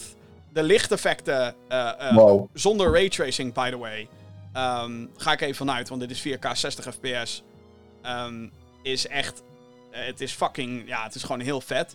Het is een hele duistere wereld. En met name. En ik weet niet of dit door HDR. Dit is ook de eerste keer dat ik echt game in HDR, weet je wel. Omdat ik een, nu een HDR-televisie heb. En het is, oh, high dynamic range, meer kleuren. Maar als er een donker gangetje is, is deze ook echt... Zwart is echt zwart op mijn scherm hoor. Ik, Tyfus, ik heb het dan sinds gewoon- kort die dat OLED-scherm. Nou, eh, donker is gewoon donker. En dat maakt, dat maakt dit spel af en toe zo moeilijk. Het is gewoon echt gewoon dat je bang bent. En dat je je controller zo stevig beet houdt. Dat had ik vooral. Zo van, wat gaat er nu... Wat, wa- wat ga je me nu aandoen, game? Ik vertrouw je niet. Gewoon echt Nee, het af en toe is het echt dat je denkt, het is hier gewoon te donker. En het is En heel... daardoor ben ik af en toe ook gewoon een keer in een gat gevallen, omdat ik gewoon niet zag. Eh, op een gegeven moment kom je in die gevangenis, daar heb je een aantal kuilen. Eh, ja, ik ben gewoon in een kuil gelopen, want ik zag het niet.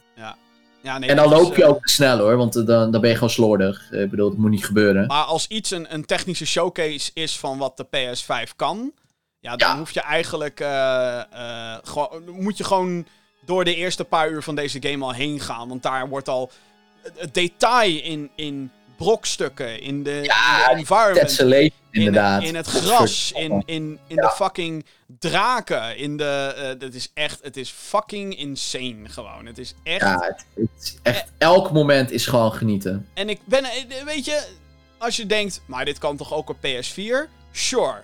Maar dan moeten er wel hele grote consensies, eh, hoe noem je dat? Ja, concepties inderdaad. Ja, want dit, dit, dit, ja. Ook als je natuurlijk ook kijkt naar, want daar is dit natuurlijk ook een hele goede showcase voor. Het laden. Ja.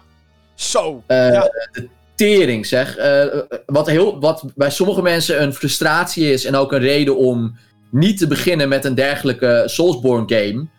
Is omdat als je doodgaat, dan moet je het hele level weer inladen. En dan ben je soms gewoon echt wel gewoon twee minuten ben je verder. Voordat een level weer helemaal ingeladen Oh, is. bij Bloodborne, voor, voor, eh, voordat de patches er waren, was dat verschrikkelijk. Ja, je bent gewoon best wel lang bezig om gewoon een leveltje te laden. En, en als je hier zeg maar doodgaat, eh je bent echt gewoon binnen een paar seconden ben je weer in de Nexus en kun je weer, kun je het weer opnieuw proberen. Ja. Eh, trouwens, je gaat, je, gaat, ja, je gaat wel naar de Nexus. Ja, je gaat wel naar de Nexus. Ah, ligt Maar er je, aan je je kunt het meteen proberen. En dat is, ja, eh, top. Ja, het is Maar echt- alles, lichteffecten, de details in de characters, het is gewoon... De, de vista's die je ook gewoon ziet als je af en toe een soort van uitstaat te kijken op een of andere kasteelrand. Dat je echt denkt van, wow, fuck. Dit is PS5, zeg maar. Dit is hè, next gen. Dit is next gen, inderdaad. Dit is... Ja. En we zijn nog maar net begonnen.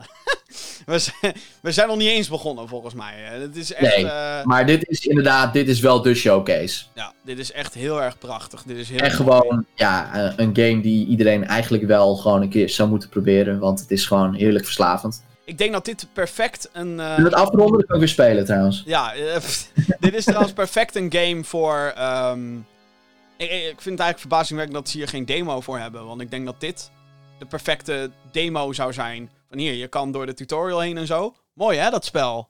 Kopen. Ja, gewoon inderdaad tot, tot, die, tot die ene ba- baas die je doodmaakt. Dat je gewoon even een heel kort gewoon een introductietje hebt van... Dit is het. Ja.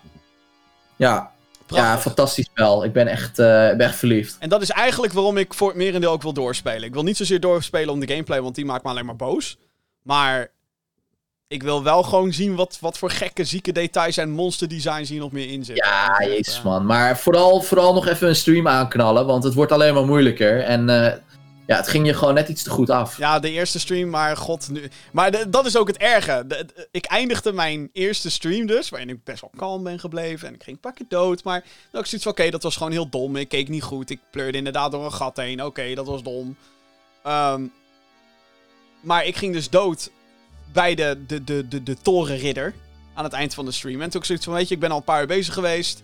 Dit is al gewoon een beetje.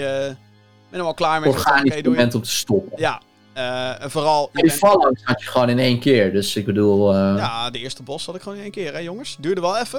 Want ik zat eerst van... Waarom, waarom hield hij als ik hem gewoon sla? Huh.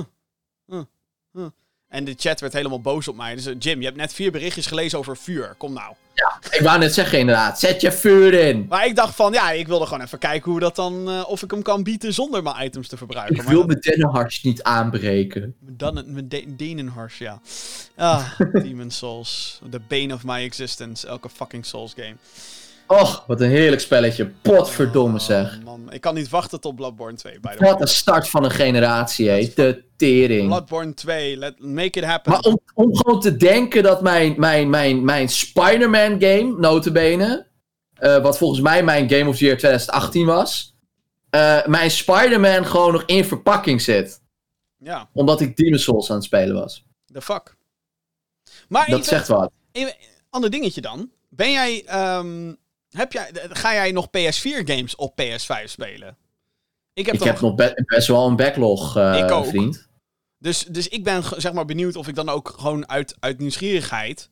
Ook een paar games die ik nu op PS4 al heb. Of ik die dan toch op PS5 moet installeren of niet? Eh. Ik was bijvoorbeeld, voordat de PS5 uitkwam, was ik nog even Mafia Definitive Edition aan het spelen. Op PS5? Of nee, PS4? op, P- op Oh, PS4. ja. Maar dat ga ik wel even afmaken natuurlijk. Ja, ja. Ja, Dus eh, ja, ik ga zeker nog PS4 games. Ik heb, ik, heb, eh, ik heb nog een hele sloot PS4 games in verpakking liggen, joh. Tuurlijk moet ik nog ja same, spelen. same. Het is een beetje schandalig eigenlijk hoe wij... eh, Met name ik. Ik, eh, ik heb het wel over mezelf. Ik probeer het wel minder te doen. De meeste games die ik nu nog in verpakking heb liggen, die, die, komen, die komen ofwel eh, uit, mijn, uit, uit de eigen publishing, ofwel eh, uit de partner publishing. Ja. Maar die moet ik natuurlijk nog wel even gaan spelen. Nou, nou. eh, eerste impressies van PlayStation 5. We hebben heel veel besproken. De marketing, de console, de interface, de eerste paar games. Ehm, en ik denk dat je niet verbaasd moet zijn als er meerdere eh, ehm, impressies komen de komende weken nog in de Gaming Geeks podcast. Want hey, ik heb Sackboy inderdaad nog niet gespeeld. Ik heb Bugsnax nog niet gespeeld. Nou, jongens. Gekke werk. Wat is verdomme. Kan dat nou, joh. Zometeen in de Gamer Geeks podcast. De makers van Hitman die komen met een ambitieus nieuw project. De nominaties van de Game Awards die zijn bekend. En er is mogelijk een release datum van Far Cry 6. Of nou, mogelijk. Er is een release datum van Far Cry 6 gelekt. Dus we weten mogelijk wanneer die uitkomt.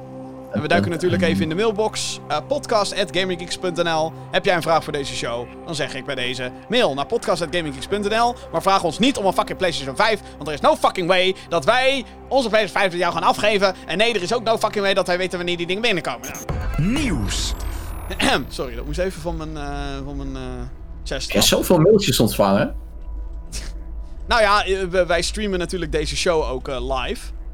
En eh, de vraag die continu langskomt, en ik snap het, is: hey, wanneer zijn er weer nieuwe PlayStation? Weet ik veel, ik werk niet bij Sony. Ik heb er echt. Vraag het aan de retailer. Ja, nou, of aan Sony zelf. De, re- retailer gaat- zal wel gaat- zeggen: wij weten het ook niet. Nee, Dus ja, goed. dat is een goed antwoord. Ja. Eh, ja, eerste nieuwtje van de dag.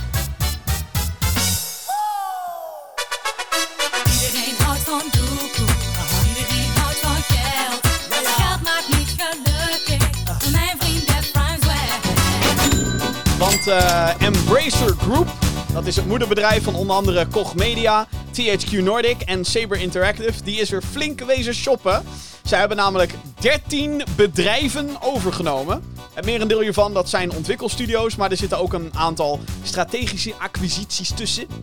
Eh, bijvoorbeeld het bedrijf Sandbox Strategies, die zich eh, specialiseert in PR. En Quantic Lab, een quality assurance bedrijf in Roemenië. Dus dat zijn dan meestal mensen die, nou ja, QA, die, die testen dan games. Zeggen dan, hey, deze bugs zitten er allemaal in, go fix. En dan zeggen waarschijnlijk heel veel bedrijven, nee, kost geld. Een paar ontwikkelaars eh, zijn voor ons dan ook, zeg maar, ons type gamer, zeg maar, niet echt interessant. Uh, A Thinking Ape Entertainment en Iogo Mobile Entertainment zijn dus, eh, joh, mobiele ontwikkelaars. En worden onderdeel van het DK Games label, wat dus kennelijk een een of ander mobiel label is van Embracer. Nooit van gehoord. Eh, Nope. Hoeft ook niet, denk ik. Saber Interactive die krijgt versterking in de vorm van vijf ontwikkelstudio's. Dit zijn ahem, eh 34. Zeg ik dat goed? Ja, 34, 34, ja. 34 Big Things, dat is de studio achter de Wipeout en F-Zero-achtige arcade racer Redout. Die kwam uit bij de launch van de Switch, weet ik nog wel. Eh Mad Games, een studio die veel hidden object games maakt. Je weet wel van die super casual Facebook eh, dingen. Nimble Giant Games heeft dit jaar nog de eh, first-person shooter Hellbound gepubliceerd. Maar is primair een ontwikkelstudio achter de Master of Orion reboot en Quantum League. Een multiplayer shooter waarin tijdreizen een grote rol speelt. Snapshot Games, de ontwikkelaars achter Phoenix Point, een XCOM-achtige turn-based strategy game die vorig jaar in het nieuws kwam vanwege hun tijdelijke exclusiviteitsdeal met de Epic Game Store. Dat was toen heel rel gedoe. En ze hadden zoiets van, ja, we hebben gewoon het geld nodig. Dat is wel af. Ja. Eh, en- en Zen Studios, dat is de studio achter de Zen Pinball Games. Dan is nog eh, de onbekende studio Silent Games. Zij zijn bezig aan een serie aan games in een nieuwe eh, IP, Intellectual Property. De eerste daarvan die staat gepland voor 2023. Die komt niet onder een specifiek label, die komt, ja, is nu gewoon van Embracer.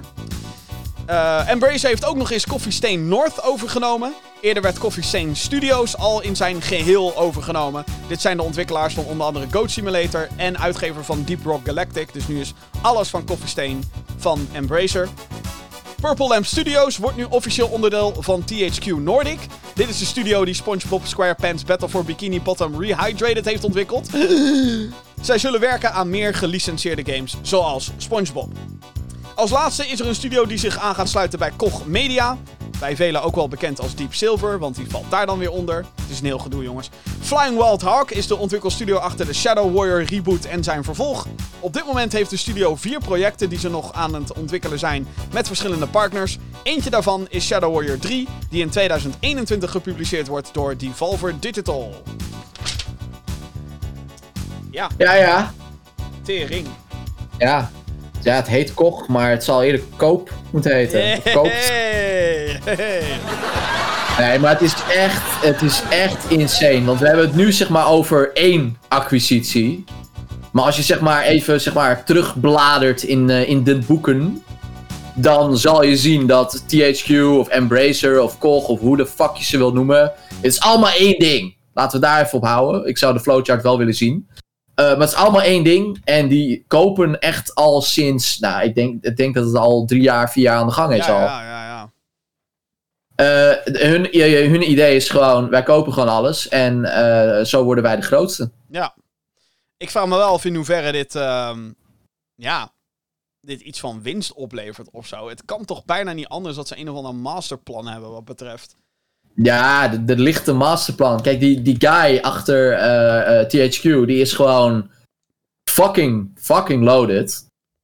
Eh, en ja, die, die, die kan het allemaal gewoon maar kopen. En ja, ja, ja ik, ik weet het niet. Kijk, zo'n QA-studio is natuurlijk fucking slim. Want dan moet iedereen moet naar THQ om te zeggen van... hey, wij hebben een game, die moet geQA'd worden. En daar verdient THQ dus aan elke game die geQA'd wordt door Quantic Lab. Ja. Dat is fucking slim. Dat is echt fucking slim. Ja, en ook gewoon even een PR-bedrijf opgekocht, hoppakee. Wel ja, joh, weet je wel. Eh, waarom ook niet? Waarom ook niet? Dus er zitten een aantal dingen bij waarvan ik echt wel snap van, oh ja, hè, dat snap ik ook nog wel. Eh, ook die mobile dingen, weet je wel. Je moet natuurlijk ook gewoon casual dingen, moet je ook absoluut eh, blijven maken. Voor cashen. Ja, maar tering, hé. Het is wel echt, het is wel de grootste acquisitie in één keer. Laat ik het dan, eh, laat ik het dan zo stellen. ja. ja, nee, dit is echt bizar. Zoveel studio's. En eh, later kwam ook nog het nieuws naar buiten dat Embracer met maar liefst 100 partijen nu in gesprek is om eh, overgenomen te laten worden. Waarvan 12 zeggen ze zelf grote partijen. En ik vraag me dan echt af wie dat zijn. Ja, Ehm, holy fuck, inderdaad. Ja, het is echt het is bizar. Maar het is, ja... Ik weet niet, zou het in dit geval... de- deze, want er zitten heel veel indie studio's bij, weet je wel? Die, die Ja. gasten achter Redout, die gasten achter Quantic... eh, wat was het? Quantum, hier, daar ga je al. Quantum League. Die game Ja. doet het echt niet goed in Early Access op Steam. Dus speelt geen hond, speelt die fucking game. Is Nee. het ook niet gewoon een beetje door de crisis en door de fucking verzadigde markt... dat ook die ontwikkelaars zoiets hebben van... Ja hoor, eh, als wij maar gewoon een dak boven ons hoofd hebben, prima. Nee, maar ja, tuurlijk, eh, dat, dat, dat zal ook spelen. Maar ik denk dat, dat er ook wel gewoon. Er wordt ook wel echt met flappen gegooid, Ja, denk ik. zeker. Ja, ja het is... Maar het is, eh, ja, het is, eh, het is echt insane. Het is echt fucking veel. Dus eh, Embracer, THQ, waar de fuck? Waar de, ik blijf het Ja, ja. zeggen. Weer. Waar de fuck blijft Timesplitters? Jullie hebben die IP, die hebben jullie al een aantal jaar inmiddels. Jullie hebben volgens mij genoeg studio's nu. Die best wel... Ergens zal er wel een competent teampje samengesteld kunnen worden. Die die shit kan remaken, remasteren, whatever the fuck je het wil noemen. Let's go. Timesplitters. Gaat waarschijnlijk... Maar het, ra het rare is natuurlijk ook, vooral als je dan kijkt naar dit jaar, wat, wat er uit de stal van THQ is gekomen aan de, eh, in de vorm van remasters. Ik denk dat het er echt zes tot, tot, tot tien zijn. Zoveel? Ja, met, ik met, weet... met een Saints Row en een SpongeBob en een, Oh, eh, ja. een, een, eh, Kingdoms of Amalur en al die shit. Ja, ik denk echt dat het er best wel veel zijn. Destroy en dan denk ik- ook nog. Sorry? Destroy All Humans ook nog. Ook nog, ja, ook nog een dikke remake. Ik bedoel, eh, wa- wat de F gewoon. Wat de F. Waar blijft Timesplitters, inderdaad? Ja, Het, zijn, het zijn er best wel veel. ja, ja, ja. ja. Ehm, Ja. volgende nieuwtje. Ja hoor. Te gek dit.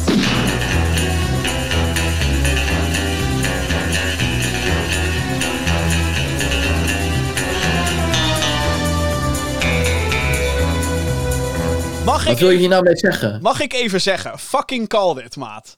Fucking. de- In deze podcast, dames en heren. Ik mag het nu officieel zeggen. In deze podcast krijg je juiste voorspellingen krijg je te horen. Alleen hier. Alleen in de Gamer Geeks podcast. Want ik zweer het je. I called this one.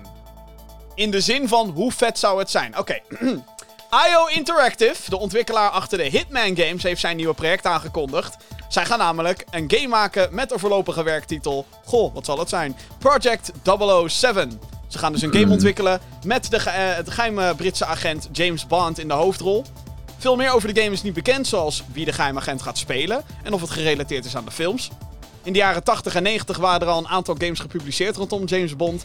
De franchise kreeg pas echt herkenning, wat betreft gaming dan, met de release van GoldenEye op de Nintendo 64 in 97. Niet lang daarna pakte EA de licentie en maakte games gebaseerd op de films To- Tomorrow Never Dies en The World Is Not Enough. Daarna maakten het originele verhalen met Agent Under Fire, Nightfire en Everything or Nothing, allen met Pierce Brosnan in de hoofdrol. Daarna maakte EA nog GoldenEye Rogue Agent en een game gebaseerd op From Russia With Love. Dat was de laatste keer dat Sean Connery eh, 007 zou spelen, RIP. Activision nam eh, vanaf 2008 de licentie over en publiceerde Quantum of Solace, een remake van GoldenEye, Bloodstone en 007 Legends. De laatste officiële Bond game verscheen in 2012 en dat was dus 007 Legends.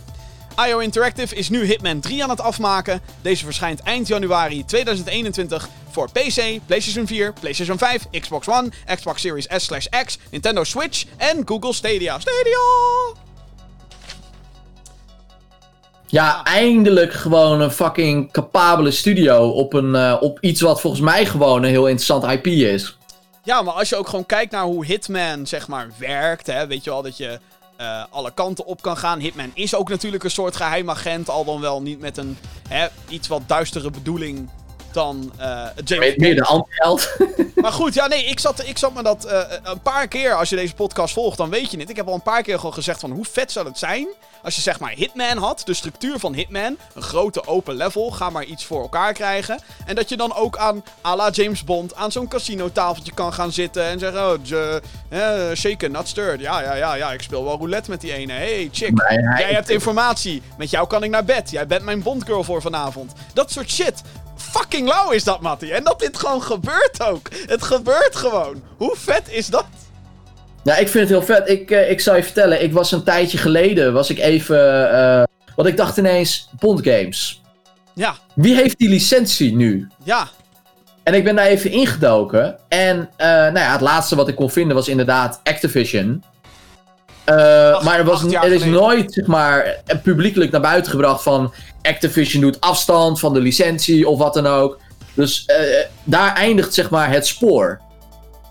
Eh, dus ja, nou ja, eh, redelijkerwijs konden we wel aannemen dat eh, als er sinds 2012 geen games meer zijn gemaakt, dat die licentie gewoon nergens ligt. En ja, fucking IO Interactive. Ja, ik vind het vet. Ik vind het vet. Nou, het is Ik bedoel, vooral die gasten maken gewoon fucking goede games. Met, met dat soort, met name met dat soort IP's, een IP zoals James Bond. Op het moment dat je zo'n licentie overneemt, is het wel de bedoeling dat je er om de paar jaar volgens mij iets mee doet. Dat is ook de reden waarom ze bijvoorbeeld eh, toen Tony Hawk's Pro Skater 5 nog even uitkakten. Omdat ze anders gewoon de licentie zouden verliezen. Eh, Ja. En gelukkig hebben ze daar nu wat goeds mee gedaan, Activision dan in dit geval. Maar ja, ik denk gewoon dat ze met James Bond zoiets hadden. Volgens mij hebben ze nooit echt een hit gehad met hun James Bond games. Nee. Ehm, Ze waren ook redelijk crap.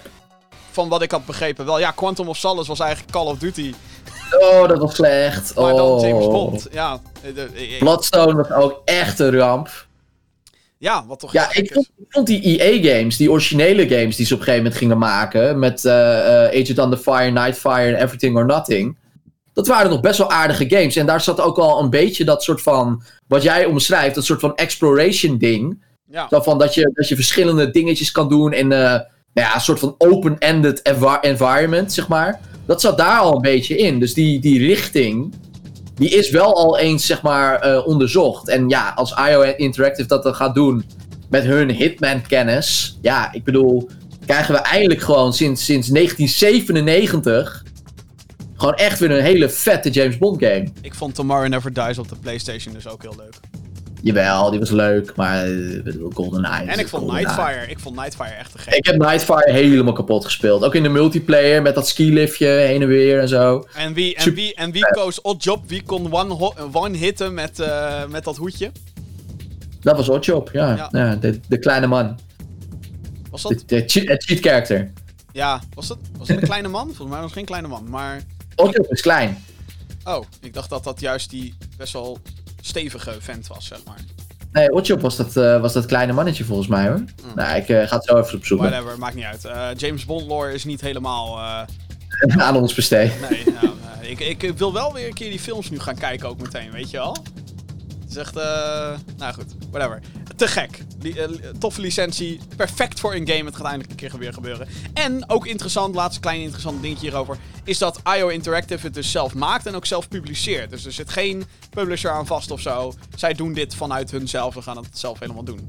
Er zal ongetwijfeld wel een distributeur bij komen die de fysieke kopies doet, maar whatever. Dat is dan weer een detail, detail. Oké, eh, de nominaties eh, zijn bekend. Jeff Keighley heeft de nominaties voor de Game Awards bekendgemaakt. De prestigieuze awardshow wordt al sinds 2014 gehouden. Dit jaar wordt het evenement niet live uitgezonden vanaf de Microsoft Theater in Los Angeles, maar zal het een virtueel eh, event worden in verband met de coronacrisis. Voor de belangrijkste award, Game of the Year, zijn genomineerd. Nou, pen en papier er maar bij en wees klaar om eh boos te worden, want ook dat hoort er natuurlijk een beetje bij. Genomineerd zijn Animal Crossing New Horizons, Doom Eternal, Final Fantasy VII Remake, Ghost of Tsushima, Hades en The Last of Us Part 2. The Last of Us Part 2 heeft de meeste nominaties binnen voor de verschillende categorieën. In totaal heeft Naughty Dog er 10 gekregen. Oef. Waaronder twee kanshebbers voor de prijs Beste Performance. Namelijk Ashley Johnson als Ellie en Laura Bailey als Abby zijn beide genomineerd. Indie titel en roguelike Hades heeft maar liefst 8 nominaties binnengekregen. De game van studio Supergiant Games, bekend van Bastion, Transistor Empire, kwam dit jaar uit Early Access, werd gereleased op Steam en Nintendo Switch en werd alom geprezen. Geinig is dat Power Unlimited dit jaar onderdeel van de jury was, die de nominaties heeft uitgekozen. Dus zij, zij waren een beetje de Nederlandse vertegenwoordiging.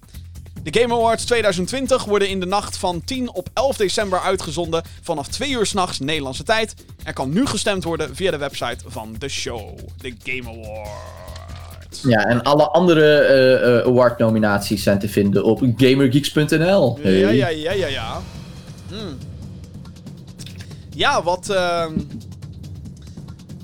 Ja, wat vind jij? Animal Crossing, Doom, Final Fantasy, Ghost of Tsushima, Hades, The Last of Us. Wie gaat hem pakken?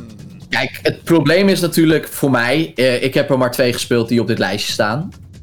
Ehm, ik zou het heel leuk vinden als Ghost of Tsushima hem pakt. Eh, want ja, Last of Us Part 2, dat vind ik een beetje. Ja, denk ik van ja, oké, weet je. Het is een beetje zo'n de. Dat ik denk. Oh ja, natuurlijk pakken zij de Game of the Year. Dus dat. eh, Nee, ik, eh, ik zou het leuk vinden als Ghost hem pakt. Final Fantasy, ik weet niet hoe die daar genomineerd is geworden. Dat vind ik een beetje een rare. Animal Crossing is natuurlijk evident, want waarom die daar staat. Want dat is gewoon zeker dit jaar echt gewoon gestegen in, in populariteit als franchise. Doom Eternal kan ik geen uitspraak over doen. Schijnt een hele goede game te zijn. Heb ik gehoord van iemand die ik eh, best goed ken. Ook wel eens een podcast mee opneem. Eh, ja, Hades eh, is denk ik gewoon zeg maar die indie game die zeg maar het niet gaat redden in deze categorie. Maar die gun ik wel die andere awards in die andere categorieën. Ja. Ja. Maar die gaat hem denk ik gewoon niet pakken. En dat, ja, dat is flauw. Maar dat is in, in mijn ogen is dat een beetje de odd one out in dit, in dit rijtje. Eh, waarbij, ja, The Last of Us Part 2, daar zou iedereen zeggen, oh ja, The Last of Us Part 2. Eh, ja, we gaan het zien. We gaan het zien. Wie, eh, wie pakt hem, Jim? Ik, ehm, eh, wie ik wil dat het pakt, is natuurlijk Doom Eternal. Ja, maar wie pakt hem? Wie ik denk dan hem gaat pakken, ik denk echt dat die kans best wel groot is dat dat bij Hades ligt. Of Ghost of Tsushima. Ik denk echt dat, zeker omdat mensen natuurlijk mogen stemmen. En underdogs zijn natuurlijk heel erg leuk. Ja, En ik denk als we gewoon kijken naar de kwaliteit van de titels. En hoeveel mensen er echt diehard fan in zijn. En er echt honderden uren in kunnen steken. Dan is dat Hades. Ehm, dat gezegd te hebben. ik denk dat juist een heel breed publiek gaat voor hetgeen wat ze echt super tof vinden. En ik denk dan dat we gaan naar Ghost of Tsushima. Ik denk dat, eh, eh, ik vind zelf, en dit klinkt heel gemeen, maar ik gun The Last of Us Part 2, gun ik de Game of the Year, gun ik niet. Best performance, sure. Beste graphics, whatever, sure. Weet je al? Mhm. Prima. Maar Game of the Year? Nee, absoluut niet. En misschien is dat gewoon mijn, mijn soort van anti-Last of Us Part 2. Want het is natuurlijk super hip. Eh, onder de pers was het om The Last of Us Part 2 een 10 out of 10 te geven. haten. En, en als je dat niet vond, dan ben je een teringleier en dan ben je tegen. Eh, The Last of Us Part 2 is zo'n, heeft voor zo'n verdeling gezorgd in de gaming Ja. community. Klopt. Omdat ik ook oprecht, ik vind persoonlijk oprecht echt dat... En natuurlijk, iedereen mag zijn eigen mening hebben. Iedereen mag... Maar Oh, als je echt kritisch kijkt naar The Last of Us Part 2... en hetzelfde geldt overigens voor Animal Crossing... maar als je kritisch kijkt naar The Last of Us Part 2... is er heel veel mis met die game. Op schrijfvlak... Niet, niet, niet ik haat Abby, want... en iedereen die het gespeeld heeft weet waarom... maar eh, niet, niet ik ben anti-vrouwen... niet allemaal dat soort bullshit... Nee, de- ik vind gewoon dat er in The Last of Us Part 2 zijn er hele fundamentele dingen fout gegaan. De executie van het verhaal vind ik niet goed. Daar hebben we een hele spoilercast over opgenomen waarom ik dat vind. En ik Leuke, leuke spoilercast ook. ja, ik zit ook serieus nog te twijfelen of ik nog een video moet maken. Als in, hey, 2020 kan niet voorbij gaan voordat we het nog een keer gaan hebben over deze game. Ehm, en, en ik vind gewoon, de game was te lang. En de game was te eentonig in zijn gameplay. Dus ik kan oprecht, ik zou echt oprecht pissed af worden als dit Game of the Year pakt. Terwijl je dus inderdaad nominaties hebt zoals... En weet je, Ghost of Tsushima, dat is een beetje gewoon... eh, Er is altijd wel een soort van minpunt aan alle nominaties. Dus Ghost of Tsushima vond ik te gek. Maar deed het iets bijzonders? Deed het iets... Mm. Nee. Nee, het was deed gewoon- iets gewoon heel goed. Ja, het was gewoon een hele goede game. Ja. Maar... Ja, weet je, en hetzelfde zou je natuurlijk kunnen zeggen van Doom Eternal. Ik denk ook dat Doom Eternal gewoon best action game pakt. En mogelijk best soundtrack, weet je wel. Omdat het gewoon Mhm. fucking te gek is. Ehm, Is dat niet voor maar ik, de- ik, de- ik denk niet dat Doom Eternal Game of the Year... Nee, ik geef ze ook niet heel veel kans. En eh, terwijl Nee. ik ze dat nogmaals heel erg gun. Ehm, dus ik, ik- Ja, ik- als ik geld moet... Ja, geld inzetten is altijd lastig bij dit soort dingen. Maar, Krattenbier. Het gaat altijd over krattenbier. We zijn mannen. Het gaat over krattenbier. maar Hades... Ik zie het wel gebeuren hoor. Maar ik denk dat het tussen die en Ghost of Tsushima gaat. Wat ik al zei. Ja. Om die redenen. Ehm, Animal Crossing is super schattig en cute en hartstikke leuk. Maar ik denk niet dat... Ik, sorry, ik zie daar ook gewoon geen Game of the Year in. Ik bedoel, het is wel een belangrijke game geweest voor de COVID-situatie. Maar ook daar Ja. zijn er zoveel dingen in die game. Ja, maar dan, denk, eigenlijk is Animal Crossing meer een game voor impact. Als je erover wel. nadenkt. Ja, eigenlijk wel, ja. Ja. Ik, bedoel, ik, snap, ik snap dat hij niet helemaal voldoet aan wat, wat een game voor impact moet zijn. Maar eigenlijk is dat het natuurlijk wel. Ja, ja. Nee, het is gewoon... eh, Het, het, is, eh, het blijft altijd lastig, dit soort dingen. Maar ik mag hopen dat Hades gewoon een paar grote awards pakt. Want het, het- ik heb die Ja, ik denk wel dat het iets gaat pakken. Dat, eh, ik bedoel, er is heel veel liefde voor het spel. Het schijnt fantastisch te zijn, heb ik me laten vertellen van een jongen met wie ik wel eens podcast. Eh, dus eh, het schijnt echt fantastisch te zijn. En ik denk, ik denk dat er voldoende awards te verdelen zijn, zodat ook Hades er eentje mee naar huis Zeker. En, eh, weet je, een, een goede case voor Ghost of Tsushima is... Is dat ook al vind ik die game niet super bijzonder... Dragon Age Inquisition heeft Game of the Year een keer gewonnen bij de Ja. Game Awards. Dus ook zeg maar games waarvan we achteraf zoiets hebben van... Ja, het was leuk, maar niet super... Jongen, vorig jaar heeft Sekiro heeft fucking, fucking Game of the Year gepakt. Dus ik bedoel, alles is mogelijk. Ja, Wat dus een kutspel. als een Soulsborne dus... Souls-like-achtig, weet ik veel wat... ook zo'n award kan pakken. Wat ook best wel Ja. narrow is. Kijk, weet je, in principe maakt elke game maakt gewoon kans.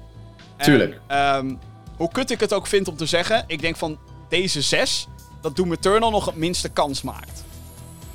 Vind ik kut om te zeggen, maar Ja, ja, ja, weet je, ik, ik, en ik heb zoiets van, waar de fuck is Ori and the Will of the Wisps? Maar goed, die game wordt sowieso een beetje eh, ja, ondergesneeuwd. Ik zag eh Jeppy Jesper, die eh, ook vaak meedoet in deze show, zag ik ook al ragen, want Jedi Fallen Order is maar in een paar categorieën genomineerd. Ehm, ja, weet je, dat, dat soort slachtoffers zullen er altijd vallen. En niet iedereen kan... Waar is Demon's Souls? Geintje. Die, die mag dus pas volgend jaar meedoen. eh. Ja, precies. Die is te laat uitgekomen. Ja, net zoals Cyberpunk nu overigens. Die mag ook Ja, inderdaad. Eh, waarom is Cyberpunk niet genomineerd? Ja. Ja. omdat het het verkeerde jaar is. Ja. Spider-Man... Oh, nou, nou, wacht even. Wacht even. Uh-oh. Want Oh, oh. de guy die Miles Morales voiced... is namelijk wel genomineerd voor Best Performance voor Spider-Man Miles Morales. Hè? Ja, Oké. Dus je kan wel voor performance, maar niet voor game? Dat is raar. ja, of Demon's Souls zit nog net wel, maar net me- hebben, me- hebben mensen het nog helemaal niet kunnen spelen en zo. Dus die is ook door heel veel pers natuurlijk dan nog niet... Oh, ik zie het, ja. Best performance. Ja, je gaat die niet pakken, sorry. Nee, denk ik ook niet. Dat maar... wordt echt classfast. Ja, ja, ja, ja, ja. En ik denk dat... Niet anders. Ik denk dat heel veel critics en heel veel mensen dan ook juist gaan stemmen voor Laura Bailey als Abby. Vanwege de shit die ze over haar heen heeft gehad. Ja, dat wordt zo'n zo'n pity-fout. Best wel jammer. Maar goed, whatever. Ze heeft, de, heeft het overigens heel goed gedaan, maar eh, ja. Ja, nee, tuurlijk. Maar ik ben een groot fan van Ashley Johnson. Ik ook, ja.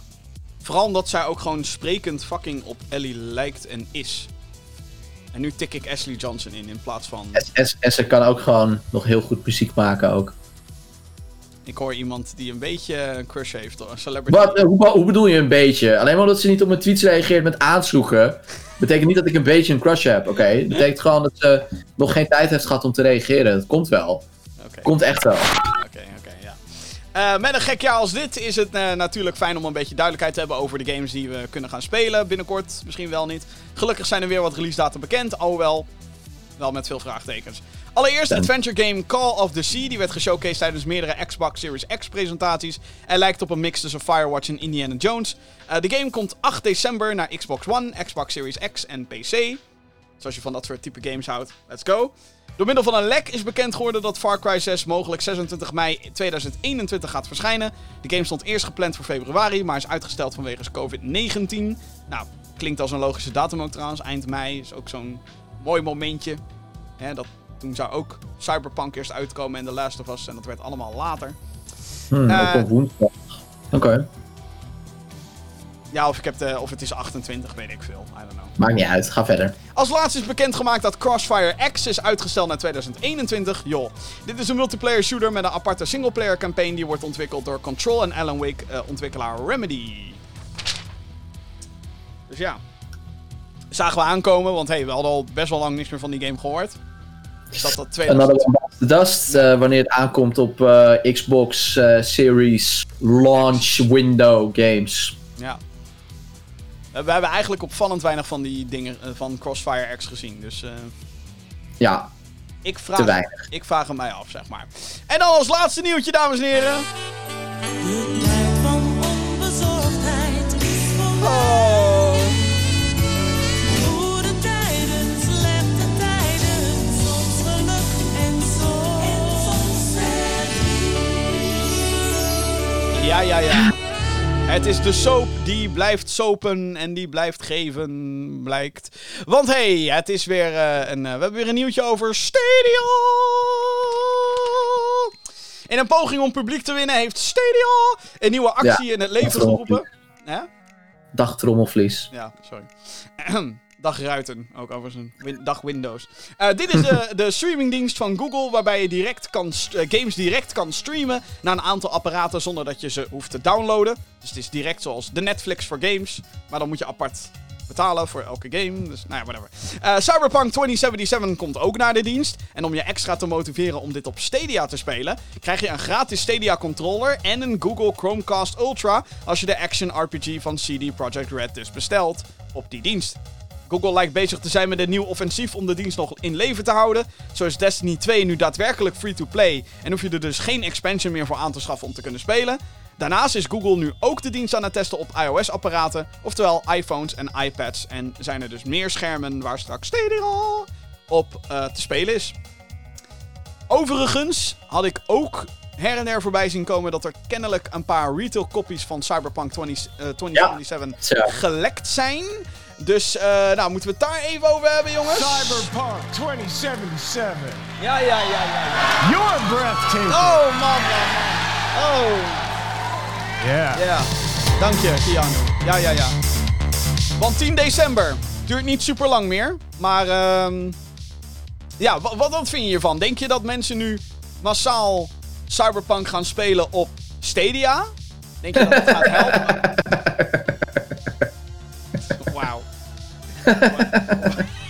Ja, maar, ja, maar echt erg.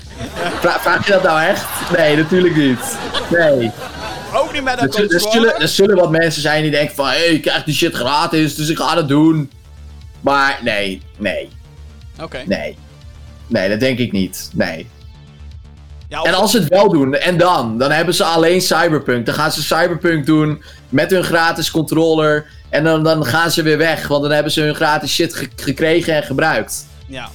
Ja, Kom dat, op, ze dan, dat ze dan letterlijk Cyberpunk kopen alleen maar voor die Chromecast en die controller, omdat het leuk is. Natuurlijk. En dan gaan ze die Chromecast gaan ze gebruiken om lekker mee te, te Netflixen en te YouTuben en zo.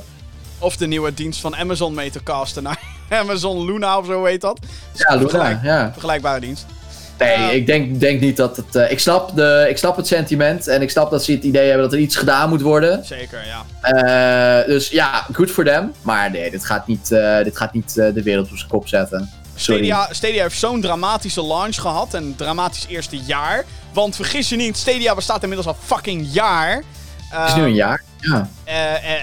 Ik denk niet dat ze hier meer van kunnen herstellen. Een beetje zoals de Nee. Xbox One, die nooit meer kon winnen van PS4. Eh, Sorry Phil Harrison. Sorry. Ja. En weet je, het gaat hier ook niet om wie wint, maar... Come on, wel? kom op. Dus, eh, Je bent fucking Google. Maak er niet zo'n zootje van. we zijn inmiddels ook gewoon een fucking jaar verder. En er is gewoon... Nog steeds zijn er heel veel features die beloofd waren. Werken gewoon nog niet. En ik hoor niemand over... Waar, zijn, waar is die agressieve marketing dan inderdaad? Ga dan even lekker in die buidel tasten. En zorg er dan ook voor dat je fucking... Dat Wat ook- zijn die exclusives? Ik bedoel, ze zijn gelanceerd met wat? Eén exclusive destijds. waar- Waarvan ik nog steeds baal dat die niet aangekondigd is voor PS4 of wat dan ook. Guild, bedoel je die? Guild, inderdaad. Ja, zo goed was die game ook niet, heb ik achter. Daar gaat het helemaal niet om, jongen. Je moet, je moet dat platform vullen met content. Dat is waar, ja. ja. En weet je, eh, games zoals Cyberpunk helpen dan wel. Of althans, dan helpt het dat je hetzelfde hebt als je concurrentie. Maar goed, dan... Ik bedoel... Nou ja, goed. Eh, en dan, nee, eh, dan nog even heel kort over dat Cyberpunk dus kennelijk op straat ligt. Dus mensen waarschuwen voor spoilers. Ehm, want er zijn dus een paar PS4-kopies kennelijk op de waarschijnlijk Amerikaanse retail gelekt. Ja, voor Black Friday. bijzonder allemaal. Ja, ik weet niet wat daar is gebeurd. Want ik bedoel, eh, kijk, 10 december is inderdaad eh, niet heel ver weg. Eh, maar dit is toch wel echt heel vroeg, vind ik. Nou ja, het ding is natuurlijk is dat de game al gold was gegaan. Waardoor die dus inderdaad al naar de drukker ging. En Ja, dat ja, zal ja. dan een oude beeld zijn. En er komt waarschijnlijk een dikke Day One patch komt er overheen. Ja, dus de versie die mensen nu spelen, als, die, als die patch nog niet uit is, eh, wat ik niet verwacht, want eh, CD Projekt Red is nog lekker eh, daarmee bezig. Ja, dan, dan doe je jezelf eigenlijk tekort door die versie nu al te spelen. Ja, dat is waar. Ja. Maar het is natuurlijk. een versie zoals die niet bedoeld is door de ontwikkelaar. Ja. Het doet me een beetje denken aan toen No Man's Sky ook lekte. Een paar weken voor release. Weet je dat nog? Dat iemand ook een retail copy in handen kreeg. En van, Ja, dat weet ik nog. Oh, is het Ja. zo erg? Nou, de One patch hielp daar helemaal niks. Dat was, een, dat was heel erg. Nee, No Man's Sky was eh, eh, patch of geen patch. Dat was gewoon een, een drama bij launch. Maar eh, eh, good on them. Ik bedoel, ze zijn nu ook genomineerd voor Best Ongoing Game. Ja, die next gen patch zag er heel goed uit. Voor, voor, eh, voor, voor eh, No Man's Sky. Dus eh, dat je bijna denkt, goh, misschien wil ik het weer spelen. Vooral dat je nu met 32 spelers kennelijk kan gaan kutten. Ja, is toch wel Ja. Wel leuk. ja, ja, ja. Ja. Dus eh, good on you, Hello Games. Eh, ik wacht gewoon lekker tot 10 december voor Cyberpunk. Dan komt als het goed is mijn Collector's eh, Edition binnen. Oeh. PC, hey, hey, hey, ultra settings, hey, hey, hey, hey. Unboxing. eh. Ja, nou, die laatste trailer zag ook wel weer te gek uit. Ze hebben weer zo'n uitzending gehad en zo. Dus, eh, ja, mooi, lekker. Heb jij een vraag voor de show? Mail naar podcast@gamergeeks.nl. Hè, hè. Nou, we zijn er bijna doorheen, jongens. Het is een lange show, ik weet het. Maar, sorry Johan.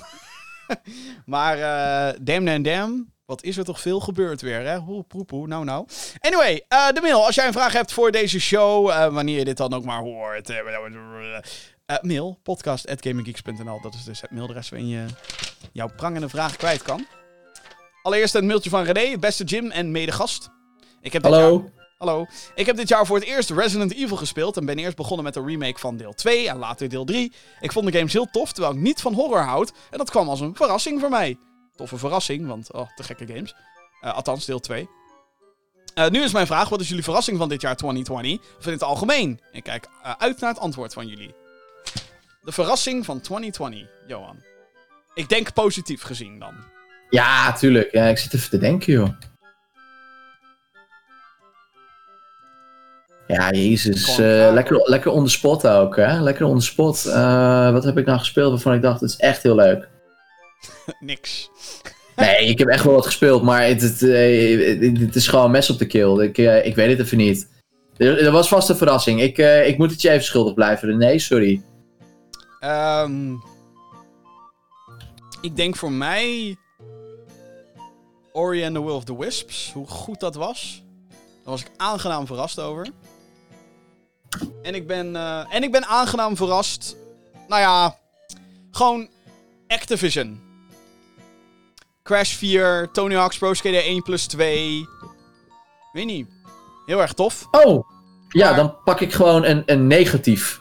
Negatieve verrassing. Maar, maar even... voor- Tony Hawk's Pro Skater Wacht, wacht, 1 en 2. Wacht, wacht, wacht, wacht, wacht, wacht. Voordat, voor, voordat iedereen zegt, oeh, Jim is fan van Activision. Fucking fix Call of Duty Cold War, oké? Dank je. Oké, Johan. Oké. Ja, eh, dan pakken we. Heb jij iets positiefs gezegd? Dan zeg ik iets negatiefs. Ik had bij Tony Hawk's Pro Skater 1 en 2, en dat ligt niet aan de game, had ik niet meer dat gevoel wat ik had, zeg maar, eh 20 some years ago. Li- like muscle memory en dat soort dingen waar mensen wel eens over vertellen van, het is als stappen op een fiets en bla bla bla bla. Eh, ik had dat niet. En voor mij was het hele gevoel weg. Ik heb hem op marktplaats gezet. Ik heb het skateboard nog wel. Wow. Ja. Ja, ja, Ja. ja, ja, dat was hem voor mij. Ik, ik, ik, denk gewoon, ik denk gewoon eigenlijk dat het... ehm, Want ik herken, ergens herken ik je gevoel. Alhoewel bij mij gewoon echt wel muscle memory, gewoon dat ik deed al die gekke trucjes en zo. Eh, no. Maar het is soort van. Je kent het al. Althans, dat had ik met, met, met die game. Ik kende het al, dus ik ging als een idioot door die, die, door die campaigns heen, zeg maar 1 en Mhm. 2. Ja, ja. En ja, ik ben nooit echt van de Tony Hawk multiplayer geweest. En het was leuk om even een paar keer te kutten of zo. Maar voor mij gaat het echt om die objectives doen en zo. En als Ja. je daar eenmaal als een idioot doorheen skate, dan ben je echt wel binnen een paar uurtjes klaar als je vroeger Tony Hawk veel hebt gespeeld. Dus ik had Ja. van, ah, eh, jammer dat het een beetje kort is. Ik bedoel, het is allemaal fantastisch, het is geweldig en alles zit erin, weet je wel. Inclusief een te gekke soundtrack, mag ik zeggen. Godsamme. Ja, absoluut, absoluut. Maar, ehm ja, Nee, ik heb, eh, ik heb er wel echt eh, ik heb er wel een goede slinger aan gegeven, denk ik. Maar het, eh, ik probeerde het heel erg leuk te vinden. En dat lukte gewoon niet. Dus toen heb ik gewoon geaccepteerd van, weet je... Het ge- gebeurt niet heel vaak dat ik een miskoop doe. Want ik weet echt wel wat ik koop, over het algemeen. Als ik dan iets zou moeten categoriseren als een miskoop van dit jaar... eh, Tony Hawk's Pro Skater. oké. Oh, die vind ik wel Met, met pijn in mijn hart wel. Want ik was echt klaar om het weer tof te vinden. Maar Oké. it didn't come. Het, was, eh, het gevoel was weg. Nou, ik had wel het gevoel. Ik, had Nou, ik ben blij voor je. Ik heb jou daar aardig mee aan de slag zien gaan, inderdaad. Ik, eh, ik heb er echt wel. eh, ja, ik... Als jij nu ineens ja, vond ook super kut. Dan denk van, wow, maar waar was je dan zo fanatiek bezig? nou, ja, ik wilde het ook nou, leuk vinden, nou, Johan. nou, weet je, in my defense, ik ben ook heel, heel dik hard gegaan op de 13 remake. En die vond ik ook Ja. niet gaaf. En ik heb Anthem heb ik helemaal doorgespeeld. Vond ik ook niet gaaf. Dus, eh, oh, ik ben Johan kwijt, zie ik. Johan! Hij, is, hij heeft ook zoiets van, Van, eh, oh, nee, wacht, nee, niet, ligt niet aan de game. De game was fantastisch. daar ben je weer. Ik vond het niet leuk. Nee, oké, top. Je bent er weer. Hoor je mij Oh. nog? Oh, toch, toch gebeurd. Oké, ja, ik hoor jou. Oké, top. Hallo. Hi. Toch nog even aan het einde van de show. Ze Eh. waren zo close. Nou, dit keer lag het niet aan mij. In my defense dan weer. In, in defense of defense of die defense, die, die defense. Eh, even kijken. Eh hoi Gaming Geeks. Ik heb een Xbox Series S aangeschaft. En heb er al veel plezier aan dankzij de Game Pass. Echter is het ook Black Friday en dus het moment om games aan te schaffen. Hebben jullie nog games die ik moet hebben voor next gen? PS, Xbox Series S is eigenlijk aangeschaft omdat de rest was uitverkocht. Groetjes Shane. Nou, weet je, eh, bij mij is de verleiding ook heel erg geweest om de Xbox Series S te halen. Het is zo'n Mhm. schattig klein doosje. En het is gewoon. Er zit next gen tech in. En het is. Oké, het is dan niet 4K, maar 1440p. Maar. Hè? Holy shit. Gewoon een next gen console voor 300 euro. What the fuck? Ja, het is gewoon eh, te gek. Ja, nee, ik bedoel, eh, ik, heb, eh, ik heb die console nog niet afgeschreven hoor. Alleen, ja, weet je, als je aan mij nu vraagt van wat wil ik spelen op de Xbox, niks. Rare Replay, lijkt me leuk. De Nixbox. ja, nee. Ik heb, Conker's, eh, Conquer Live and Reloaded in, eh, in backwards compatibility, lijkt me leuk. eh, nou, kijk. Heel eerlijk, ik denk dat je met de Game Pass meer dan genoeg games hebt om, om, om, om je mee te vermaken. Ik bedoel, als je, als je zoiets hebt van ik wil geld uitgeven, haal nog een jaar Game Pass. Ja, Ultimate, whatever, weet ik veel welke Precies. versie. En dan have fun. Want er zijn zoveel... Wacht, laat me even kijken. Xbox, Game nee, het, is, Pass, het is insane. Het is insane. current line-up. Gewoon, eh, gewoon even kijken wat ze nu fucking hebben allemaal. Volgens mij wa- was Doom Eternal niet op Xbox Game Pass. Fucking speel Ja. Doom Eternal. Ja, ja, ja. Eh, ja. Even kijken. Eh Ori and the Will of the Wisps. Speel dat. Tell Me Why van Don't Not. De makers van Life is Strange. Speel dat. Sunset Overdrive, hey. Hey, speel dat. Even kijken. Eh, heel veel Final Fantasy meuk. Mm, Even kijken hoor. Oh, dit zijn de nieuwe aanwinsten geloof ik waar ik nu Yakuza, Yakuza. Yakuza. kun je ook spelen, Even ook leuk. hoor. Ik wil gewoon weten, ik wil de volledige lijst wil ik nu weten. Waar kan ik dat zien? Oh ja, Ja, eh, Xbox Game Pass list. Ja, dat is een tering grote lijst natuurlijk. Ja, dat gaan, we, dat gaan we nu niet doen, Jim. We lopen, we lopen al uit. Ik hoor van de redactie Ja, dat we, dat we eh, eh, enorm over tijd zijn. Eh, even kijken. Doe, eh, staat Doom... Ja, hier, Doom Eternal. Fucking speel dat. Eh, Devil May Cry 5... Nee, die gaat weg. Eh, ja, het is heel ingewikkeld, want er gaan natuurlijk games uit. Gears 5 vond ik dus echt fantastisch. Dus Oh ja, Gears. Ja. de Halo Ja, Master Chief Collection... Nee, wel... Gewoon... Je hebt Game Pass. Je hoeft niks meer. Je, je hebt... Je hebt Recore, ook leuk. ook, ja. My Friend Pedro is ook aardig. Rage... Nou, nee, laat maar. Die kan je skippen. Eh, Shadow Warrior 2. Ook te gek. Ehm, Tekken 7. Nou, goed. Sluit die lijst af. Ja, ik doe het al. Dit is genoeg te... Ja, maar ik, eh, ik ben het wel met je eens. Koop gewoon inderdaad nog een jaar Game Pass. Krijg je denk ik geen spijt van. Nee, echt niet. Nee. En ook daar, daarmee rekening houden dat je dus aankomende releases ook allemaal krijgt. Zoals de Medium. Exact. De Falconeer kan je spelen, want die is ook op Xbox Game Pass. Ja, ja, ja, Het is ja. echt, ehm, ja, is echt te gek. Dus dat. Ehm, even kijken. Laatste mailtje van de dag. Ik zie dat mensen ook een paar mailbox minigames hebben ingestuurd. Die bewaren we voor volgende week, want anders wordt dit echt een veel te lange aflevering. Eh, laatste mailtje. Barry Visser, die heeft gemaild. Beste gaming geeks.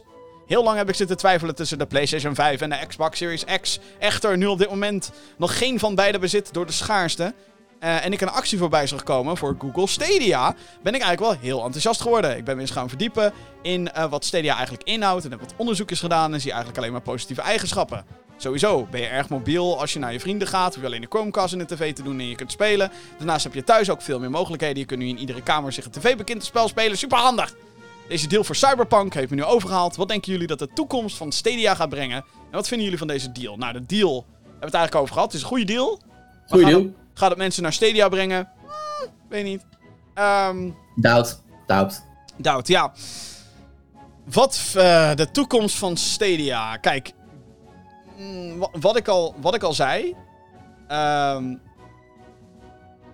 Stadia heeft zo'n dramatische launch gehad. Met, en er staan nog steeds zo weinig games op die dienst. En als je dan. We hebben het net over Xbox Game Pass gehad. als je dan. Nee, maar serieus. Je koopt een Ja, ja, ja. je koopt een Xbox Series X voor 300 euro. Oké, dat is dan wel meteen een investering, 300 euro. En je koopt Xbox Game Pass. Je hebt een fucking lange lijst aan tering veel games die je meteen kan spelen. En je weet dat het werkt.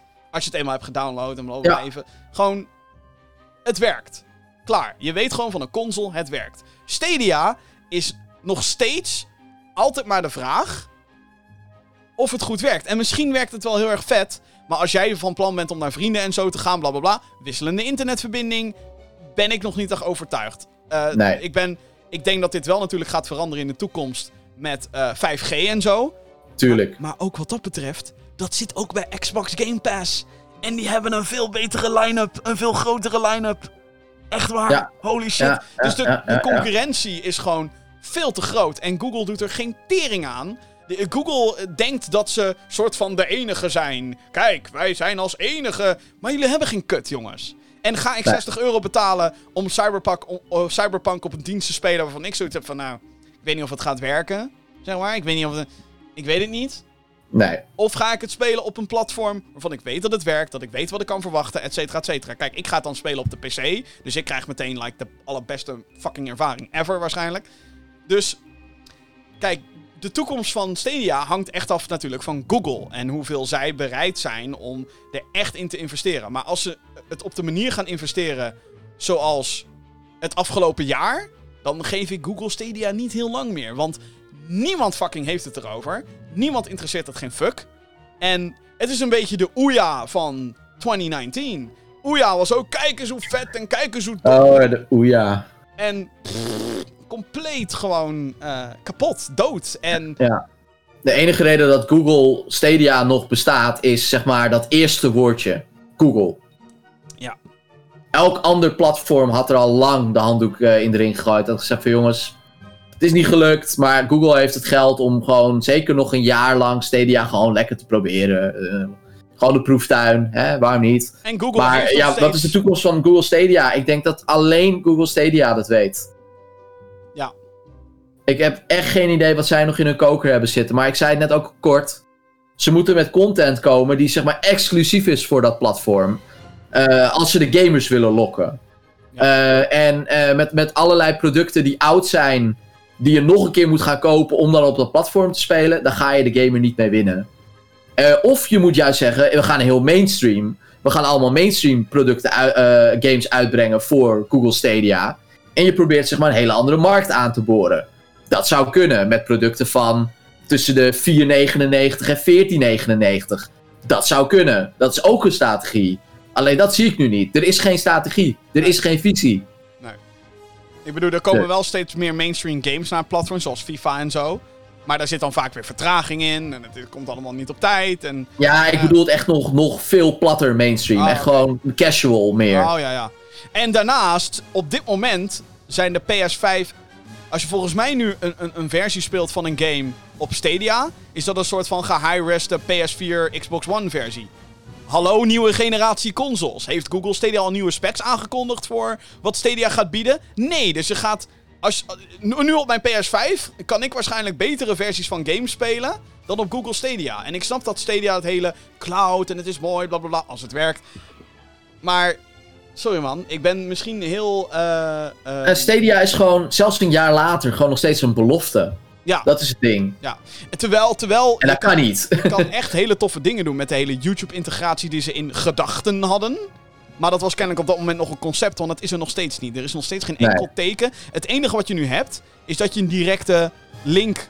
Dat, dat ze nu Stadia linkjes hebben. Dus dan klik, dan klik op de link en dan kan je spelen. Wauw. Wauw. Ja. Ja, nee, eh, Google Stadia, we houden het in de gaten. ja, altijd natuurlijk. Altijd houden wij het in de gaten voor je. In de grote show. Nou ja, je, je snapt hem. Precies. Goed, hè, en dat gezegd te hebben, zijn we aan het einde gekomen van deze ultra lange special. Onze PlayStation 5 in PS5 special. Ja, jezus mina. Nou, het is niet de langste aflevering ooit. Daar ben ik dan toch wel weer soort van blij mee. Hey. Ehm, maar goed, hè, dat krijg je als THQ Embracer ehm 13 bedrijven overkoopt. Ja, daar komt het door, Jim. Tuurlijk. En je, en je ze alle 13 moet opdoen. Daar komt het door. Onder andere. Ik zeg onder andere. En de Game Awards. En de, de- de- en de Demon Souls. En een, play en een nieuwe console, jongens. Hoe exciting is dit? Super veel Fucking zin om, vet, om ja. door te gaan spelen. Anyway, ehm ik wil je heel graag aanraden om eh, GamingGeeks.nl in de gaten te houden. Want daar heb je dus allerlei handige overzichtjes. En het laatste nieuws, dat wordt daar eh, allemaal voor je op een rij gezet. Eh, waaronder ook te vinden daar GamerGeeks Next en Next Gen. Dat zijn de overzichten van de belangrijkste releases. Zowel voor de maand november als natuurlijk de aankomende maand december. Want het mag er wel de laatste maand zijn, maar daar komen veel games alsnog uit. Ehm, Johan denkt, kut. Eh, maar we hebben dus ook twee... Alweer over een week. Godverdomme. Ja, we hebben dus ook twee extra afleveringen gemaakt over de launches van de Xbox Series X en de PlayStation 5. Eh, en eh, ik heb natuurlijk een PlayStation 5 unboxing gedaan. Dat kan je allemaal zien op gaminggeeks.nl. Goed, verder wil ik je heel graag vragen of je je wilt abonneren op deze show via je favoriete podcastdienst. En een positieve review, 5 sterren, et cetera wil achterlaten. Want hoe meer zielen, hoe meer vreugd in shows zoals deze. En eh, abonneer je op het YouTube kanaal, youtube.com slash gamergeeksnl.